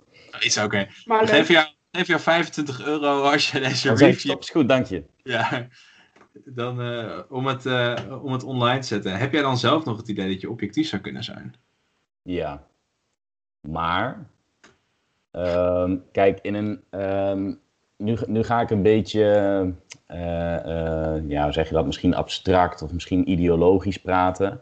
Maar ehm, ik denk dat reviewers het meest ehm, eh, objectief kunnen zijn als ze betaald krijgen. Eh, dan kunnen ze het meest objectief zijn in hun branche als, ehm, ja, hoe zeg ik dat goed? Als alle grote jongens, dus alle eh, mensen met echt veel bereik in die branche, de grote influencers, als die er allemaal betaald voor krijgen. Ehm, want dan, ehm, mm, dan zullen namelijk, als, als dan een, een uitgever zegt van ja, je bent negatief, eh, ik, eh, ik, stuur jou, eh, ik stuur jou niks meer, of je krijgt geen opdrachten meer van mij. Ja, wat willen ze doen? Willen ze al die andere grote dan afkappen als die ook negatief gaan zijn? Ik bedoel, als bepaalde dingen in een spel negatief zijn en je bent een goede reviewer, dan zitten, die, ja, dan zitten de grote reviewers denk ik meestal op één lijn.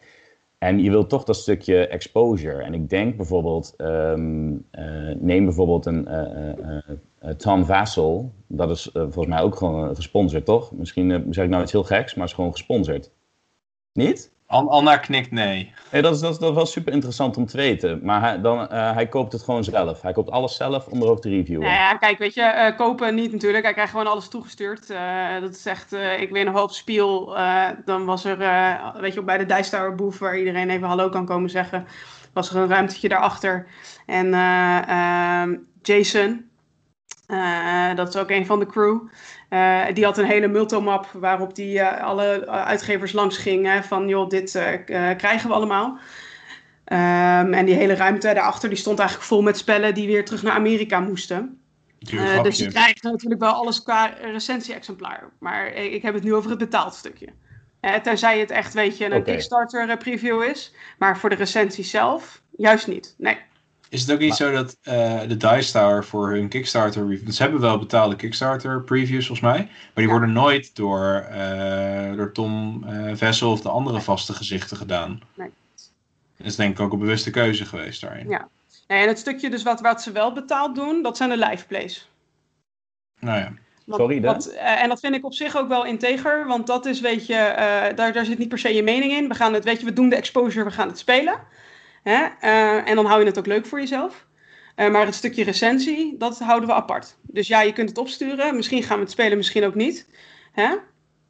Ehm, maar als Ja. we het recenseren, zijn we eerlijk. En dan is het ook niet eh, betaald.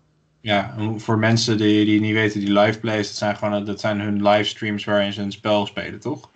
Precies. Ja, en dat is wel vaak betaald. Ja. Maar dat is in principe best wel objectieve content, want je ziet gewoon mensen een spel spelen. Ja. Eh, dus nou, je ziet vanzelf wel of ze naar zin hebben of niet. Ja. Meer objectievere content kun je bijna niet krijgen. Ja, en het is ook, weet je, vaak meestal de eerste keer dat ze het spelen. hè. Eh, zeker als ze Ja. eh, langere, of, meerdere livestreams achter elkaar doen. dat de uitgever gewoon langs soort van komt. Dan moet ik in ieder geval mijn ding wat bijschaven, want eh, daar heb ik dan sowieso een verkeerde aanname in gemaakt.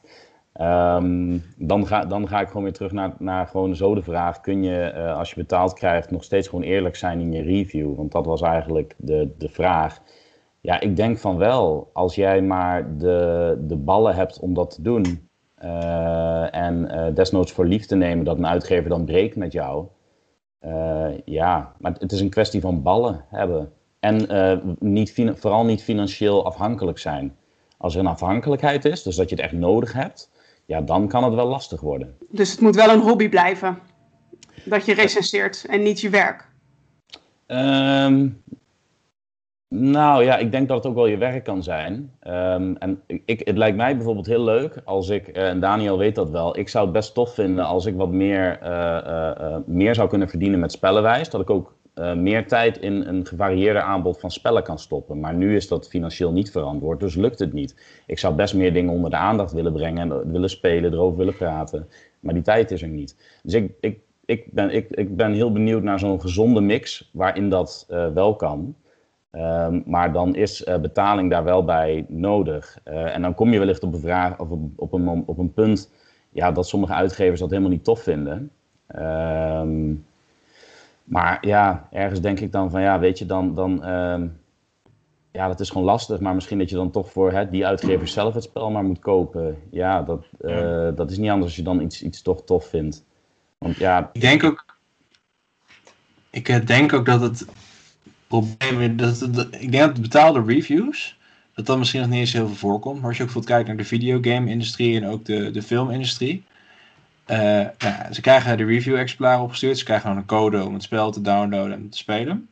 Maar ze krijgen geen betaling voor de review. Maar wat er natuurlijk wel gebeurt, is dat op die websites, op de grote eh, videogame-websites, waar die reviews worden gepost, wordt er reclame gemaakt. En uiteindelijk is dat de inkomstenbron. En misschien als we de, de casus nog verder oprekken, van kun je objectief zijn als bijvoorbeeld een van de uitgevers die reviewt je grootste inkomstenbron is. Dat zag je natuurlijk in de videogame-industrie met bijvoorbeeld, eh, ik zit daar niet meer zo heel erg in thuis, dat was vroeger meer. Eh, maar bijvoorbeeld bij GameSpot had je ooit met eh, Kane en Lynch in, in mid 2000, eh, volgens mij 2006 of zo. ehm, eh, had je daar dat, dat, dat, dat zij maandenlang reclamebanners hadden gekocht op die website. En dat er vervolgens een review uitkwam van, nou ja, het spel is 6,5, veel plezier ermee. En dat ze toen hadden gezegd van ja, dit is allemaal contractsbreuk, we gaan het geld eh, intrekken. Je moet die man die de review heeft geschreven, moet je ontslaan. Eh, en dan, dan heb je een heel erg grijs gebied opeens. Van, je krijgt niet betaald voor reviews, dus je bent wel eerlijk geweest. Maar je wordt wel gedreigd om je grootste inkomstenbron weg te nemen. Ja, maar, Dus kun eh, je, kun je... Ja, sorry, ik ga verder. ja, maar jij hebt het nu, als ik het goed begrijp, echt over geld. Maar Ja, ik bedoel, je kunt ook natuurlijk betaald krijgen in, in goederen. In review copies. Ik bedoel, zou jij, zoveel het ook recen- gewoon- zou jij zoveel recensies kunnen, kunnen publiceren. eh, als jij geen rev- review copies zou krijgen. Ja, maar is het dan echt een betaling? Hè? Want eh, dat is natuurlijk ook nog iets anders. Want nou dit ja, en, en- dan kom je weer een beetje. Maar dan kom je misschien een beetje terug op, op het ballenverhaal van, van Hans. Van, kijk, je, je, in zekere zin ben je voor. eh, kijk, op social media moet je wel actief zijn. Bij, het liefste moet je iedere dag iets posten. En als jij natuurlijk heel erg je business hebt van eh, ja, spellen, spellen recenseren en eh, in de spotlight stellen, kan ik mij zo voorstellen dat jij gewoon om je eigen bankrekening ook een beetje lief te houden, dan toch misschien wat minder snel geneigd bent om dan to- toch een wat kritischere recensie neer te zetten. Omdat je toch wel afhankelijk bent van, ehm, eh, hoe zeg je dat, eh, het, het ontvangen van eh, eh, recensiekopietjes. Nou, ik denk zeker op hè, zulke eh, dingen als eh, Instagram, ja, dat, dat is wel eh, iets verleidelijker. Ook omdat je gewoon content maakt die je in het, eh, eh, behalve de foto's natuurlijk, waar je tijd in moet steken en het verhaaltje, maar het is wel, een, je kunt een post maken in een half uurtje. Ja. Ja, het is veel, het is makkelijker heel- te maken content. Het is heel veel kwantiteit. Maar het is dat, maar dit is voor YouTube toch ook wel eh, eh, een dingetje. Ik bedoel, als je daar het algoritme moet verslaan, moet je toch ook zoveel mogelijk als het kan posten. Ja, zeker. Maar Ja, loop maar jij dat is- niet tegen dat probleem aan? Ehm, zeker. Eh, maar dat is dus ook deels de reden om jezelf dus niet uit te blussen. Waarom ik er dus voor gekozen heb om niet zoveel recensie-exemplaren te accepteren. Tenzij ik echt zeker weet hè, dat ik, eh, eh, nou redelijk zeker weet, soms maak je natuurlijk ook wel een fout, maar redelijk zeker weet dat ik het leuk ga vinden. Ja. Ehm, en dat ik ook eh, die tijd erin wil steken. Ja, om er ook voor te zorgen ehm, dat je inderdaad ook die content kunt blijven maken. Maar betekent dat dan dat je ook eh, over de gehele linie bezien minder, minder dan eh, publiceert op YouTube bijvoorbeeld? Omdat je juist een strengere selectie maakt? Ja, nou ja. Het, het, is gewoon, eh, ja, überhaupt YouTube, als je dat, en dat is ook een beetje wa- waar Hans ook, hè, als je een heel gevarieerde eh, content wil maken, dan kost dat heel erg veel werk. En YouTube per definitie, en daar verkijken mensen zich heel snel op, is, kost echt heel erg veel werk, zo'n video. En zo'n video, het opnemen en alles bij elkaar, het editen, eh, daar ben ik snel al een tien uur aan kwijt. Gewoon een werkdag. Hè, en dan de, is het echt van begin tot einde het hele ding.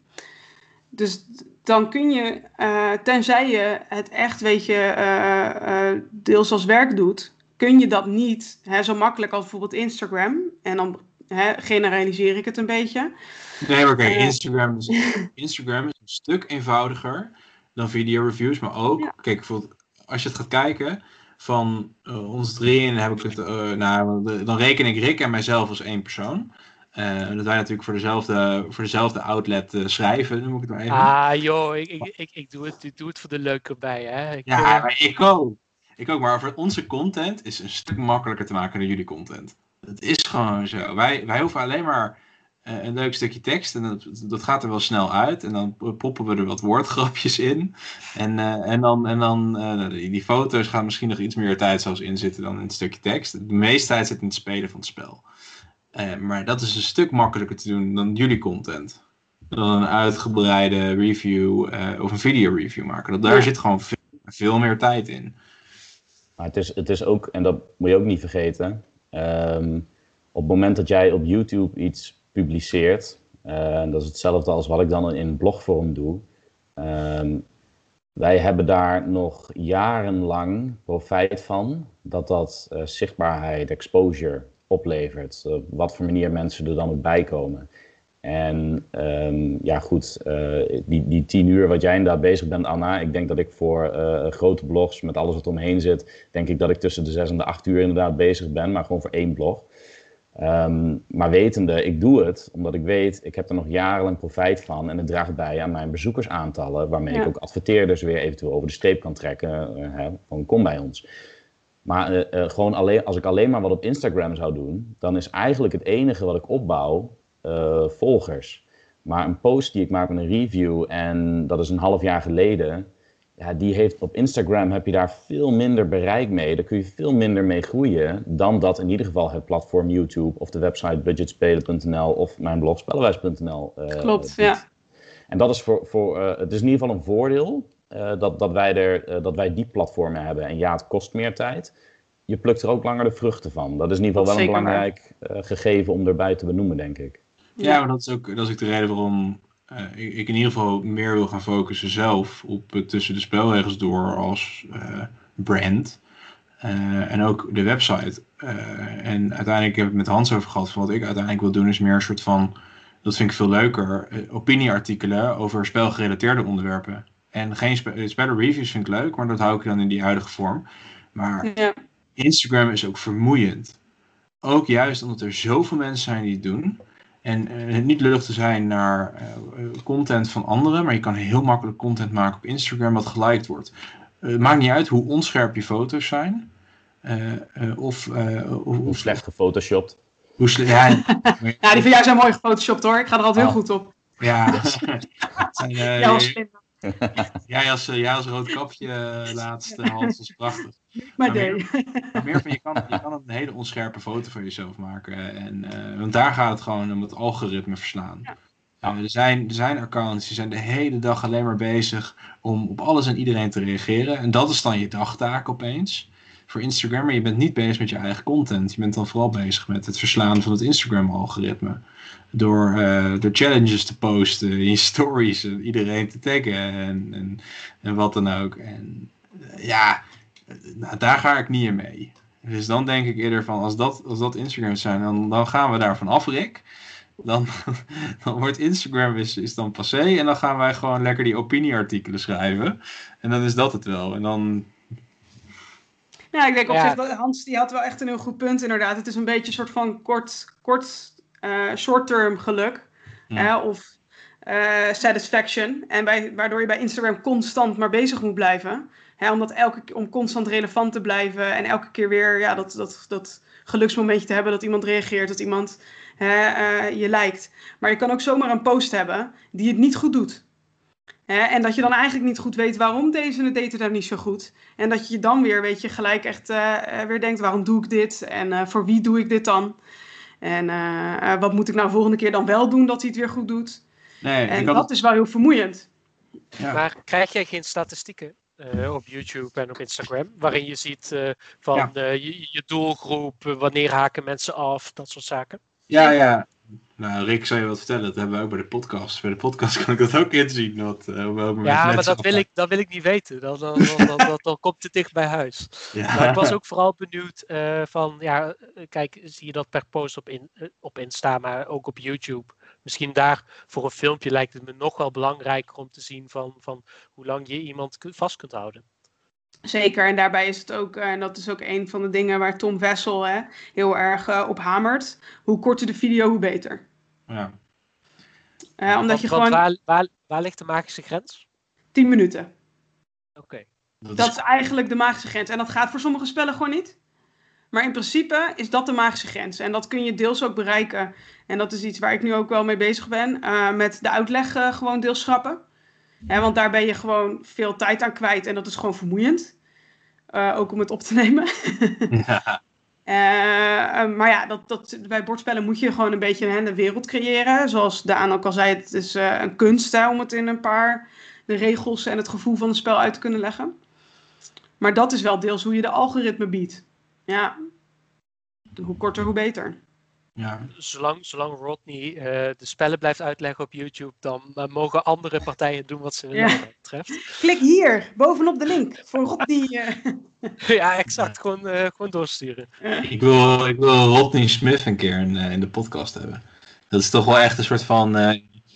ik, ben, ik ben niet gelovig, maar Rodney is ook mijn Jezus voorstel. In het Zo Canada. ja, Canada. Heel groot op de achtergrond, de Canadese vlag. Um, uh, wat het wel is, wat mij helpt daarin, en dat is denk ik ook wat helpt met objectiviteit eventueel. Niet dat ik dat dan per se bied of zo. Uh, maar ik doe dit voor mezelf. Uh, de reden waarom we die podcast doen, eh, met Rick, eh, Chris en mezelf is ook omdat we het leuk vinden om over spelletjes te praten. En de reden waarom ik die reviews doe is omdat ik het leuk vind om, om slappe stukjes tekst te schrijven met slechte woordgrappen erin en een paar lelijke foto's erbij. En, en ik vind het gewoon heel leuk om spelletjes te spelen. Als dat verdwijnt, dan stop ik ermee. ik, ik ga ook geen. We hebben op de podcast hebben we ook wel eens mensen gehad die dan zeiden van. Uh, misschien is het een idee om dit te doen. En dan heb ik altijd steeds gezegd van. Nou, bedankt uh, voor je idee. Uh, maar dan zouden we het niet meer voor onszelf maken. En dat is eigenlijk de reden waarom we het doen, is vooral voor onszelf. Ja, precies. en ik weet, niet, ik weet niet hoe jullie daarover denken in, met betrekking tot je eigen content. Ja, voor, voor mij, voor mij ehm, mijn eigen content creëer ik. Uh, met, vooral om uh, um, nou ja, meerwaarde te bieden. Want dat maakt dat ik erop gevonden kan worden in Google. En dat voor de lange termijn. Uh, ik bedoel, ja, je noemt het al en ik, ik maak er ook geen geheim van. ik ben waarschijnlijk een van de commerciëlere ingesteld hè, met, met. Maar ik, ik klopt, ik wil daar inderdaad aan verdienen via affiliate marketing, via advertenties. Het liefst ook via eventueel betalingen met reviews. Um, maar goed, de, de markt is gewoon niet, niet zo ver. Geen idee of dat het ooit komt. Maar dat is, um, het is niet omdat ik, omdat ik gewoon graag geld wil verdienen. Dat is omdat ik gewoon met een inkomen uit spellenwijs kan ik blijven doen wat ik leuk vind. En dat is meer spellen spelen. En zo blijft de motor draaiende. Maar nu met, uh, met een huishouden met twee kinderen uh, een, een, eigen bedrijfje ernaast, een bedrijf van mijn vrouw wat er zit. We werken allebei zelfstandig. Die tijd is gewoon beperkt. Voor mij zou ik zou het het tofst vinden als ik inderdaad een switch kan maken. Uh, dat spellenwijs wat dat betreft echt meer gewoon een soort platform wordt. Ja, het hoeft geen boardgame geek te worden, maar gewoon een, een platform waar, waar ik wel een, echt een, een, substantieel deel van mijn inkomen uit kan halen. Zodat het gewoon beter verantwoord is om meer tijd eraan door te brengen. Of meer, door, meer tijd mee nou, meer tijd aan spellen te besteden. En ik kijk inderdaad naar content. Dat is zeker uh, bij mij ook een gedachte van. Ik schrijf er een blog over omdat ik erop gevonden wil worden. Dan levert het mij lange termijn bezoek op. Um, ik schrijf daarom ook liever over spellen. Dat is wel zo, waarvan ik denk, dit zou nog wel eens een hit kunnen worden. Dat, mm -hmm. dat doe ik liever. Dat is de commerciële insteek, omdat ik weet, dan levert het mij uiteindelijk ook meer op. Ik vind het niet erg om over andere dingen te schrijven. Ik vind het ook leuk om nieuwe dingen te ontdekken. Maar die ruimte ontstaat meer als ja, dat financieel ook uh, kan. Ja. Ja, voor mij is het ook uh, um, deels de keuze, hè, want ik, ik, ik doe dus iets heel anders natuurlijk. Hè. Ik was ook, toen ik hiermee startte, zat ik ook al, hè, was ik met geneeskunde bezig. Hè, dus je weet dat je werk gaat doen, wat heel veel tijd kost. En waarbij je eigenlijk weinig tijd hebt voor dit en dit ook goed doen ik ben heel erg perfectionistisch. Ik uh, wil altijd graag dat dingen uh, goed zijn. Dat als ik het doe, dat ik er ook achter kan staan. ja. Hè? Um, dus voor mij, om dit eigenlijk goed te kunnen doen, heb ik dus ook bewust gekozen om niet een heel eigen YouTube-kanaal te beginnen. En uh, omdat je het dan helemaal moet opbouwen. en ik weet dat um, ik daar niet altijd zo de tijd voor zal hebben, zoals ik dat eigenlijk zou willen. Hè, om het zo te doen. Dus daarom heb ik ook inderdaad ervoor gekozen om voor de Dice Tower bijvoorbeeld dingen te doen. Dat ik dan weet, nou als ik het te druk heb, kan ik het me ook weer terugtrekken. En met zoiets als budget spelen, daar ben ik dus ook vijf jaar geleden ben ik daarmee uh, begonnen. Samen met de oprichter van uh, Budget Gaming. Um, omdat dat dus ook meer een groepsding is. En uiteindelijk zijn dat ook dingen waar ik zelf ook meer uh, ja, zelf in geloof. Ik, natuurlijk hè, met de video's, dan ben ik, wel het, ben ik wel deels het gezicht. Maar ik hou juist ook wel van die samenwerking, dat je dingen samen doet. Ja. Um, uh, ook uh, omdat dat het uiteindelijk het leukst maakt. Tenminste, voor mij ook. Ja, kijk, ik, uh, ik, met, eigenlijk met alles wat ik in mijn leven doe, is ik vind het leuker met iemand, om dat met iemand anders te doen. Dat is ook de reden waarom ik bordspellen überhaupt leuk vind. ook al heb ik steeds meer solo-spellen gaan waarderen, ook door corona, maar spelletjes speel ik het liefst met iemand anders. Maar ook eigenlijk elk idee wat ik heb, probeer ik altijd wel mensen bij te betrekken. Of ik betrek ongevraagd soms ook wel eens mensen. Sorry Rick. Um, uh, omdat slachtoffer. ik... Uh, slachtoffer. omdat ik het leuk... Ja, ik, ik vind het gewoon leuk om met mensen samen te werken. En Rick, uh, het spijt me, maar ik vind het gewoon leuk om met jou samen te werken. Ah, bah, wat wordt dit klef, jongens. Ja. Zullen we... Nou, ik heb nog, we hadden dus nog één stelling, maar die uh, kunnen we misschien... Uh, dat is denk ik wat korter, hè? Eh, wat ik wel benieuwd naar ben, is of jullie ook naar eh, reviews van anderen kijken. eh, met betrekking tot een spel wat jij gaat reviewen. Ik ben altijd wel benieuwd, maar dat is meer als ik een spel echt niet leuk vind. Dan ga ik kijken van eh, wat vinden anderen er eigenlijk van. Maar ik ben sowieso altijd benieuwd. Maar waar ik dan heel erg bang voor ben, is van dat ik een herhaling van zetten ga doen. En mijn grootste nachtmerrie is als ik hetzelfde zeg dat iemand anders heeft, dat iemand anders dezelfde grapjes gebruikt of wat dan ook. Dus ik probeer dat eigenlijk heel erg te beperken. Dus ik lees het eigenlijk liever niet, maar ik doe het wel als ik een spel misschien niet zo leuk vind. Maar, maar kijk je het dan naar omdat jij denkt dat, dat je dan iets geschreven hebt dat heel erg lijkt op wat andere mensen hebben gedaan? Of eh, eh, wil je je van tevoren niet pas laten beïnvloeden door andere recensenten of juist wel? Nee, dat ook, maar ik denk daar wel goed in ben. Want het is toch, eh, nou ja, zoals ik al zei, ik schrijf niet per se echt een, een heel erg opiniestuk. Eh, maar ik ben, nee, ik ben eerder bang dat ik, dat ik een vergelijkbaar stuk tekst zou schrijven. Eh, dat ik echt denk van, oh god, ik ben echt geen, ik, kan echt niet origineel schrijven. Daar zou ik eerder bang voor zijn. Maar eh, ik, ik ga pas kijken als ik denk van misschien zit ik met mijn mening heel erg fout. Of misschien snap ik het spel niet, heb ik het verkeerd begrepen. Dan ga ik er misschien naar andermans recensies kijken. Ik kijk ook eigenlijk. Ik kijk eigenlijk vaak pas recensies van spellen die ik misschien zelf al heb gespeeld, of waar ik zelf al een mening over heb gevormd. Dus ik ben niet iemand die zijn aankoop laat leiden door spellenreviews. Behalve dan Shut Up en Sit Down. Maar dat zijn vaak ook spellen waar ik niet eerder mee in aanraking was gekomen. En, en, eh, dan wel. Maar ik ben dus benieuwd van wat jullie ermee doen. Dames eerst? Of, eh, Ja, nou, ik, ehm, eh, ik doe het eigenlijk nooit. En dat is deels gewoon een principe kwestie. Hè? Wederom hè, die integriteit waar we het al vaker over hebben gehad. Ja. Dat ik echt wel probeer hè, om mijn mening niet te laten beïnvloeden. Dus dat het echt is van wat vind ik er nou van. Eh, en niet iets wat je eigenlijk... hè, want of je het nou wil of niet... Hè, als je al weet van een spel... hey, dit vonden andere mensen minder... dan tijdens het spelen ga je toch denken van... wat vind ik daar zelf dan van? En daarmee wil ik niet zeggen dat dat goed of slecht is. Want soms is het juist ook... hè, ehm, kan dat juist ook een meerwaarde zijn. Het kan ook een bias veroorzaken, misschien bedoel je dat. ja, het, het veroorzaakt natuurlijk een bias. Ja. Eh, maar dat hoeft niet. Weet je, soms is het ook goed om dan te bedenken van ja, maar wat vind ik hier nou van? Als je er eenmaal bewust van bent. Maar ik probeer dat dus wel, die bias te eh, voorkomen. Ehm, door inderdaad dan niet de recensies eh, eh, te kijken. En dat vind ik wel grappig, wat, wat, wat, Daan zegt, daar herken ik me wel in. Want als eh, ik dus erg negatief over een spel ga zijn, dan ben ik dus wel dat ik eh, wel de neiging heb om even te controleren: ligt dit nou aan mij? Of eh, Ja, je, hebt, je, hebt het toevallig een tijdje geleden heb je het aan mij Ja. gevraagd over een bepaald spel. Van of ik het, wat ik er nou echt van vond. ja, Ehm, dus eh, daardoor kwam ik er eigenlijk ook een beetje op. Ja. ja, precies. Ja, dan, dan, heb ik dus, dan heb ik daar wel meer de neiging toe. Hè, omdat ik dan ook. ehm, ja, maar misschien is dat dus dan ook juist deels om misschien ook juist weer bias te voorkomen of zo. Want dan doe ik het dus wel nadat ik al het gespeeld heb. Gewoon puur eh, om te controleren of het aan mij ligt. Want ik kan.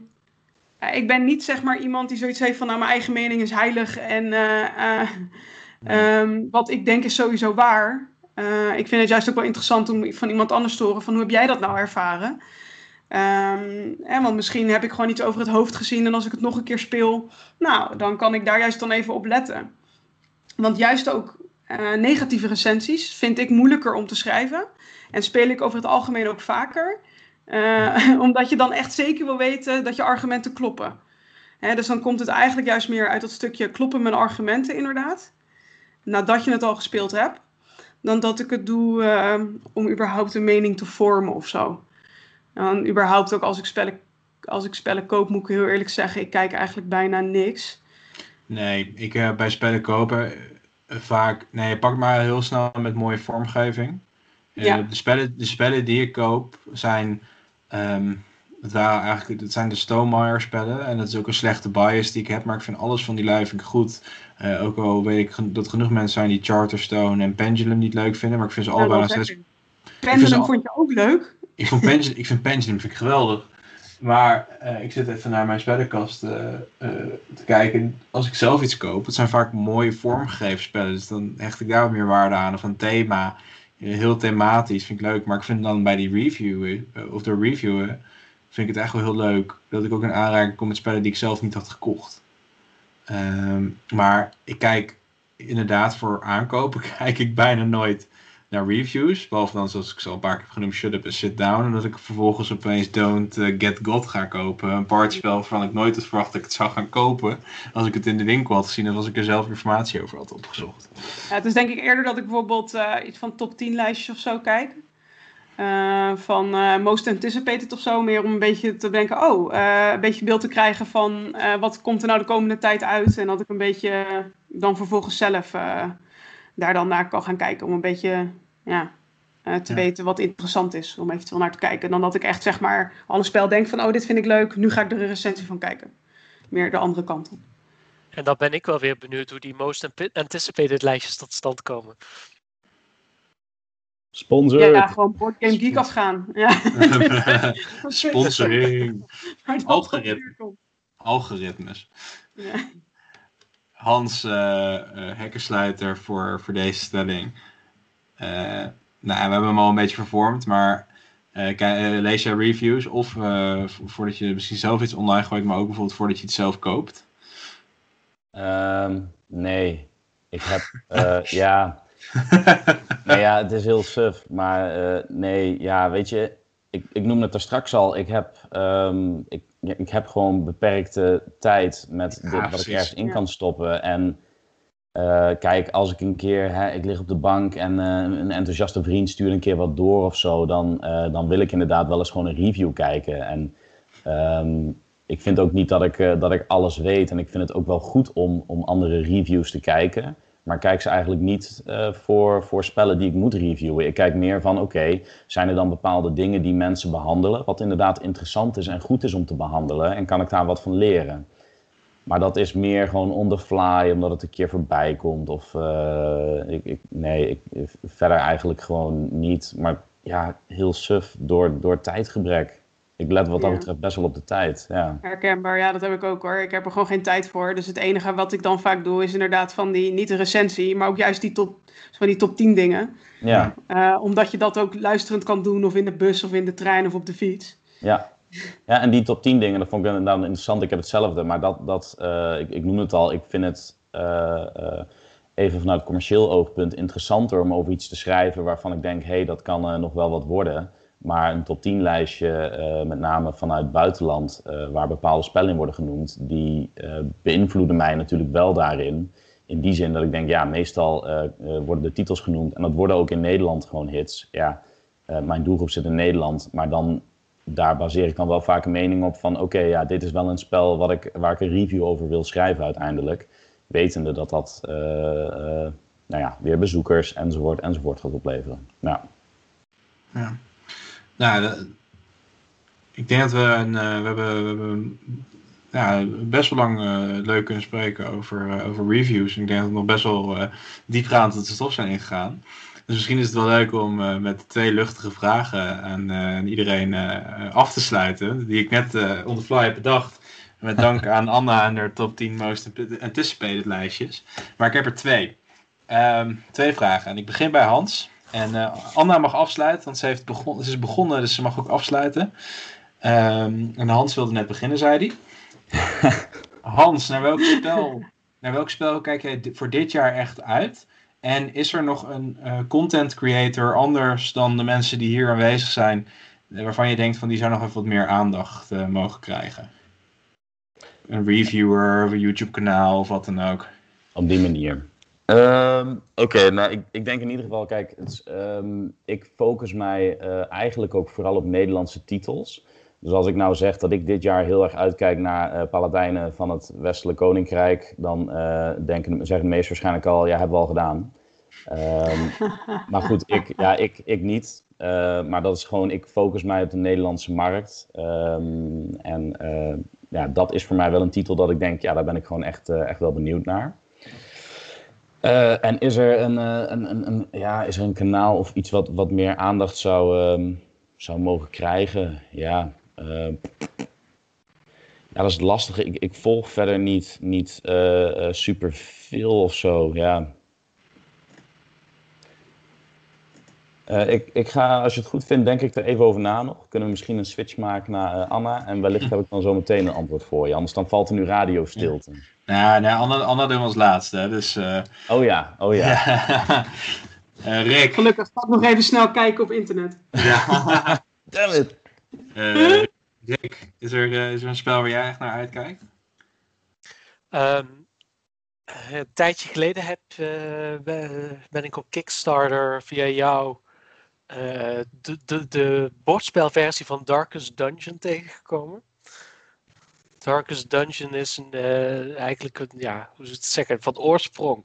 Het is gewoon een videogamespel. En nu op Kickstarter is er kennelijk een, uh, uh, zijn, zijn ze een, een bordspelversie aan het ontwikkelen. En daar ben ik al echt heel erg benieuwd naar. Ook omdat ik laatst Kingdom Rush, de bordspelversie, heb gerecenseerd voor jouw kanaal. En ik dat bordspel eigenlijk leuker vond dan, het, dan, dan de app als het ware. Uh, omdat ik het eigenlijk gewoon een, een, een, een, hele interessante puzzelaar vind. En op die manier ben ik ook eigenlijk heel erg benieuwd naar de bordspelversie van Darkest Dungeon. Ik vind, ik vind dat juist wel een leuk, leuk videogamespel. Dus dan heb ik eigenlijk een nog hogere verwachting van de bordspelversie natuurlijk. Maar dat is wel iets waar ik echt naar uitkijk. Ja, waar ik uh, eigenlijk heel erg naar uitkijk zelf. Uh, en dat is een spel dat Rick toevallig ook krijgt. dat krijgen we hopelijk in maart. Dat is namelijk uh, het, kaartspelvariant van ons echte bestaan, namelijk uh, Lawyer Up. Uh, dat is een kaartspel dat is vorig jaar op Kickstarter gekomen, maar ik ben er stiekem heel erg benieuwd naar. Normaal gesproken is het zo, dan steun je een Kickstarter en tegen de tijd dat het uitkomt ben je al je enthousiasme al kwijt. Dus krijg je een keer die doos, dan krijg je die keer die doos thuis en dan denk je van ja oké, okay, uh, ik ben eigenlijk helemaal niet meer zo enthousiast over dit spel. Maar uh, ik, ik, was er weer even wat over in aan het lezen. En het lijkt me toch wel een hele leuke twee-spelerstrijd, uh, waarbij je dus advocaatje speelt. En dat thema lijkt me gewoon heel erg leuk. En content creator, waarvan ik denk die moeten veel meer aandacht krijgen, zijn de jongens van Bord voor je kop. Ja. Dat vind, ik echt, dat vind ik echt hele leuke content. Ze hebben veel te weinig volgers op Instagram en op uh, YouTube. Uh, maar uh, die twee heren die, die zouden voor mij betreft wat meer een aandacht mogen krijgen. Zeker nu ze steeds meer hun, hun eigen draai daarin weten te vinden. dus dat vind ik zelf een hele leuke. Ze hebben ook een goede kop. Ze hebben een goede kop, hè? Ja. Helpt. Ook, helpt ook mee. Ik zie ja, allemaal krassen van shit, die stond op mijn lijstje. Ja, ja maar om even, daarop, even daarop terug te komen. Ik, ik weet, ik heb eigenlijk ook niet meteen een, uh, een echt een bordspel uh, kanaal wat ik uh, zou kunnen aanraden. Voor films, hè, voor films en series heb ik dat wel, maar nee, niet voor bordspellen. Ik had het bewust ook niet aan jou gevraagd, Rick. Nee. Anna, je bent uitgedacht volgens mij. Ja? Oké, nou. Um, welke wil je eerst horen? Uh, mag jij zelf bepalen. Oké, okay, nou. Um, ik heb natuurlijk ik heb even snel uh, op budgetspelen.nl gekeken, wat nou de, de, nieuwe releases in Nederland zijn. Uh, maar op de Nederlandse markt ben ik wel heel erg benieuwd naar Coyote. dat is een kaartspel in de reeks van ook Spicy. Met uh, um, art, ja.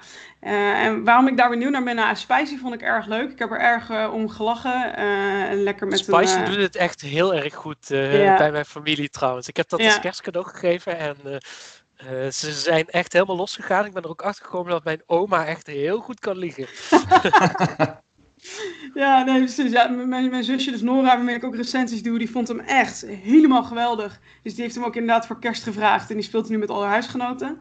En met Oud en Nieuw, toen hebben we hem ook gedaan. Uh, toen kwamen de, uh, de buren nog even snel, uh, even snel langs gepiept. Met z'n tweetjes. Ehm, en toen hebben we die dus ook nog gedaan. Tot iets van twee uur s'nachts. Echt met tranen, met tuiten gelachen.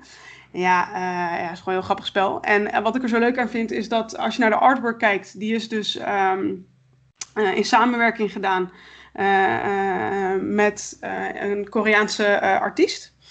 Um, en het heeft van die um, originele Koreaanse katten artwork. En dat hebben ze dus heel bewust gedaan om dat ook als thema te doen. En Coyote is dus de tweede van de kleine kaartspelletjes in de reeks, waarbij ze eigenlijk een beetje datzelfde hebben gedaan. Ehm, dus echt um, mensen van een bepaalde cultuur hebben gevraagd om hun artwork ervoor te doen. eh, zodat het ook klopt. Eh, en eh, er komt dus ook nog een derde in de reeks. Eh, en omdat ik Spicy dus heel erg leuk vind, ben ik ook weer benieuwd, heel erg benieuwd naar die Coyote. En die ziet er ook echt weer prachtig, prachtig uit. Eh, dus daarom ben ik daar heel erg benieuwd naar. Ik hou wel van een beetje originaliteit en leuke thema's. eh, en uh, Ja. als ze er een beetje over na hebben gedacht. Ehm, nou, van de eh, internationale releases, daar heb ik ook naar gekeken. Eh, eh, ben ik heel erg benieuwd. Ja, ik kan zijn naam niet uitspreken. ehm, maar naar The Key heet hij volgens mij. Ik moet hem heel. The Initiative heet het spel. Ehm, dat is een nieuwe studie van Asmodee, studio van Asmodee, wat eigenlijk een soort ja, afgeleide is van Fancy Flight Games. En dat is Cory Koniceka. Koniceka. Ik ga hem zo uitspreken. Cory Ja. Koniceka. Eh, die heeft onder andere bij Fancy Flight eigenlijk aan alle grote titels gewerkt. Dus Battlestar Galactica, Mansion of Madness, Star Wars Rebellion en Outer Rim. En die gaat nu een soort passieproject doen. eh, wat dus eh, eh, de initiative wordt. En dat is een soort, ook een soort verhalend spel. Waarbij je tieners volgt. eh, die in een soort eh, spel zijn beland. Dus eh à la, hoe heet die film nou? Jumanji. Dankjewel, waar er onlangs twee nieuwe van zijn uitgekomen zonder eh, Robin Williams. Ehm, en ehm, het toffe eraan vond ik is dat ze het deels ehm, in stripvorm de verhalen gaan eh, vertellen. Eh, in plaats van dat je zo'n dik boekwerk hebt waar je het dan helemaal door moet gaan zitten lezen, dat het een soort stripjes zijn. En eh, dat vond ik wel interessant. Daar word ik wel enthousiast van. omdat vaak, ja, onwijs dat boeken door zitten lezen, daar heb, ik- heb je vaak gewoon geen zin in. Weet je, dan moet iemand leuke stemmetjes gaan zitten doen. En dan heb je precies dat ik dat dan altijd moet gaan zitten doen. Eh, dus ja, stripjes, ik ben benieuwd. R- Rick die heeft eh, laatst eh, eh, eh, eh, Rick kwam eh, langs voor, de, voor kerst. En, eh, en toen moest ik, eh, toen, waren, toen waren ik en mijn vriendin nog bezig met Stuffed Fables. En eh, toen moest, eh, toen Ja. moest, eh, toen moesten zij aansluiten terwijl wij eh, nog het spel aan het spelen waren. En eh, toen, eh, toen hebben ze genoten van mijn, eh, mijn stemmetjes in Stuffed Fables. Stemacteurwerk. De, de, de humble brag hier, jongen. Ja, Lekker, ja, goed zo. ik, eh, mijn Lumpy klinkt als, eh, als eh, een combinatie tussen Eeyore en Winnie de Pooh. Oh, ja, ik heb ook altijd dat mijn, eh, de, de stemmetjes die ik bedenk gewoon ook een beetje gaan eh, veranderen door de tijd heen. Ja, Ja, je- ga ik toch niet zo lang volhouden. Dit was leuk, de eerste zin. Ja. Ah, al mijn stemmetjes hebben zachte G, dus dat op zich wel eh, heel iconisch. Lekker, Ja. ja. En, eh, Nee. en een content creator, ja. Anna. Ja, ja eh, weet je, eh, ik vind originaliteit leuk. Eh, en ik vind het ook juist leuk om te laten zien dat iedereen spellen leuk kan vinden. En er is één account op Instagram wat ook dus onlangs een YouTube-kanaal is begonnen.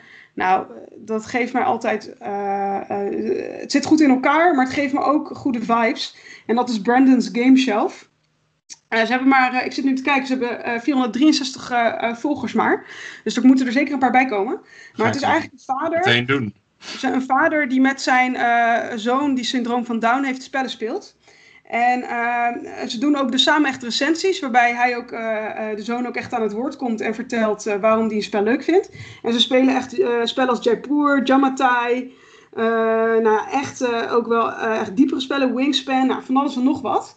Eh, en ja, ik vind dat echt heel mooi. En de filmpjes zitten ook echt goed in elkaar. Dus het is netjes in elkaar geëdit. En ehm, eh, de zoon die kan dus ook heel goed eh, zijn mening erover vertellen waarom hij het leuk vindt. En die vindt ook gewoon alles leuk. En dat vind ik gewoon echt leuk. Die diversiteit. Ik Brandon's, Game, met, Brandon's Game Shelf heet het. ik ben ze meteen gaan volgen. Ja, Ik ja, oh, ja, je ziet het al. Was, ik, ik ging swipen en opeens was het 464. eh. Ja, ja, ik, Zo op het YouTube kanaal dus. Ja ik, heb, ik heb hem meteen geabonneerd. Ik vind het wel leuk. Ik vind bijvoorbeeld ook Kids Planning of zo heet dat. Ja. Dat vind ik ook weer een briljant kanaal. Die verdient er eigenlijk ook, ik ga er ook nog eentje noemen. Die verdient ook veel meer. eh, ook twee, twee zoons van een, van een stel die spelletjes leuk vindt en dat een beetje op hun kinderen hebben. hun kinderen daarmee hebben geïndoctrineerd. Dat vind ik ook heel leuk. Ja. Ik vind deze, eh, ik vind het Feel Good van eh, Brandon's Game Shelf. Wat ik er nu toe al zie, daar word ik er heel warm van binnen van. Ja, eh, je moet ook, wat was dat, de recensie van Horrified? Echt top-notch. Die is zo leuk in elkaar gezet. Met ook grapjes tussendoor en editing en zo. eh, met filmeffectjes. Ja, echt helemaal top. Ja. Nou, leuk.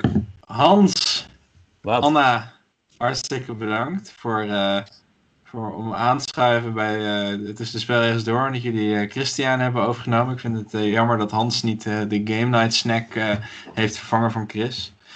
Maar, dat, ik heb niet ik heb iedereen. Oh ja, ik heb drinken, sorry. maar in ieder geval hartstikke bedankt. En ik vond het hartstikke leuk om. ah, nou, kijk eens aan, we hebben toch de snack. Anna die heeft uh, Haribo en Hans die heeft uh, niet naar de noemen cola merk. Niet zomaar, uh, niet zomaar Haribo, hè? Dat is de, okay. de kindermix, dus dat past extra goed bij Christian. Ja, precies. Ja. Het ruikt geur door de camera heen. ja, ik ruik suiker. Um, hart, Anna, Hans, hartstikke bedankt. Rick, jij ook bedankt. Tussen de spelregels door.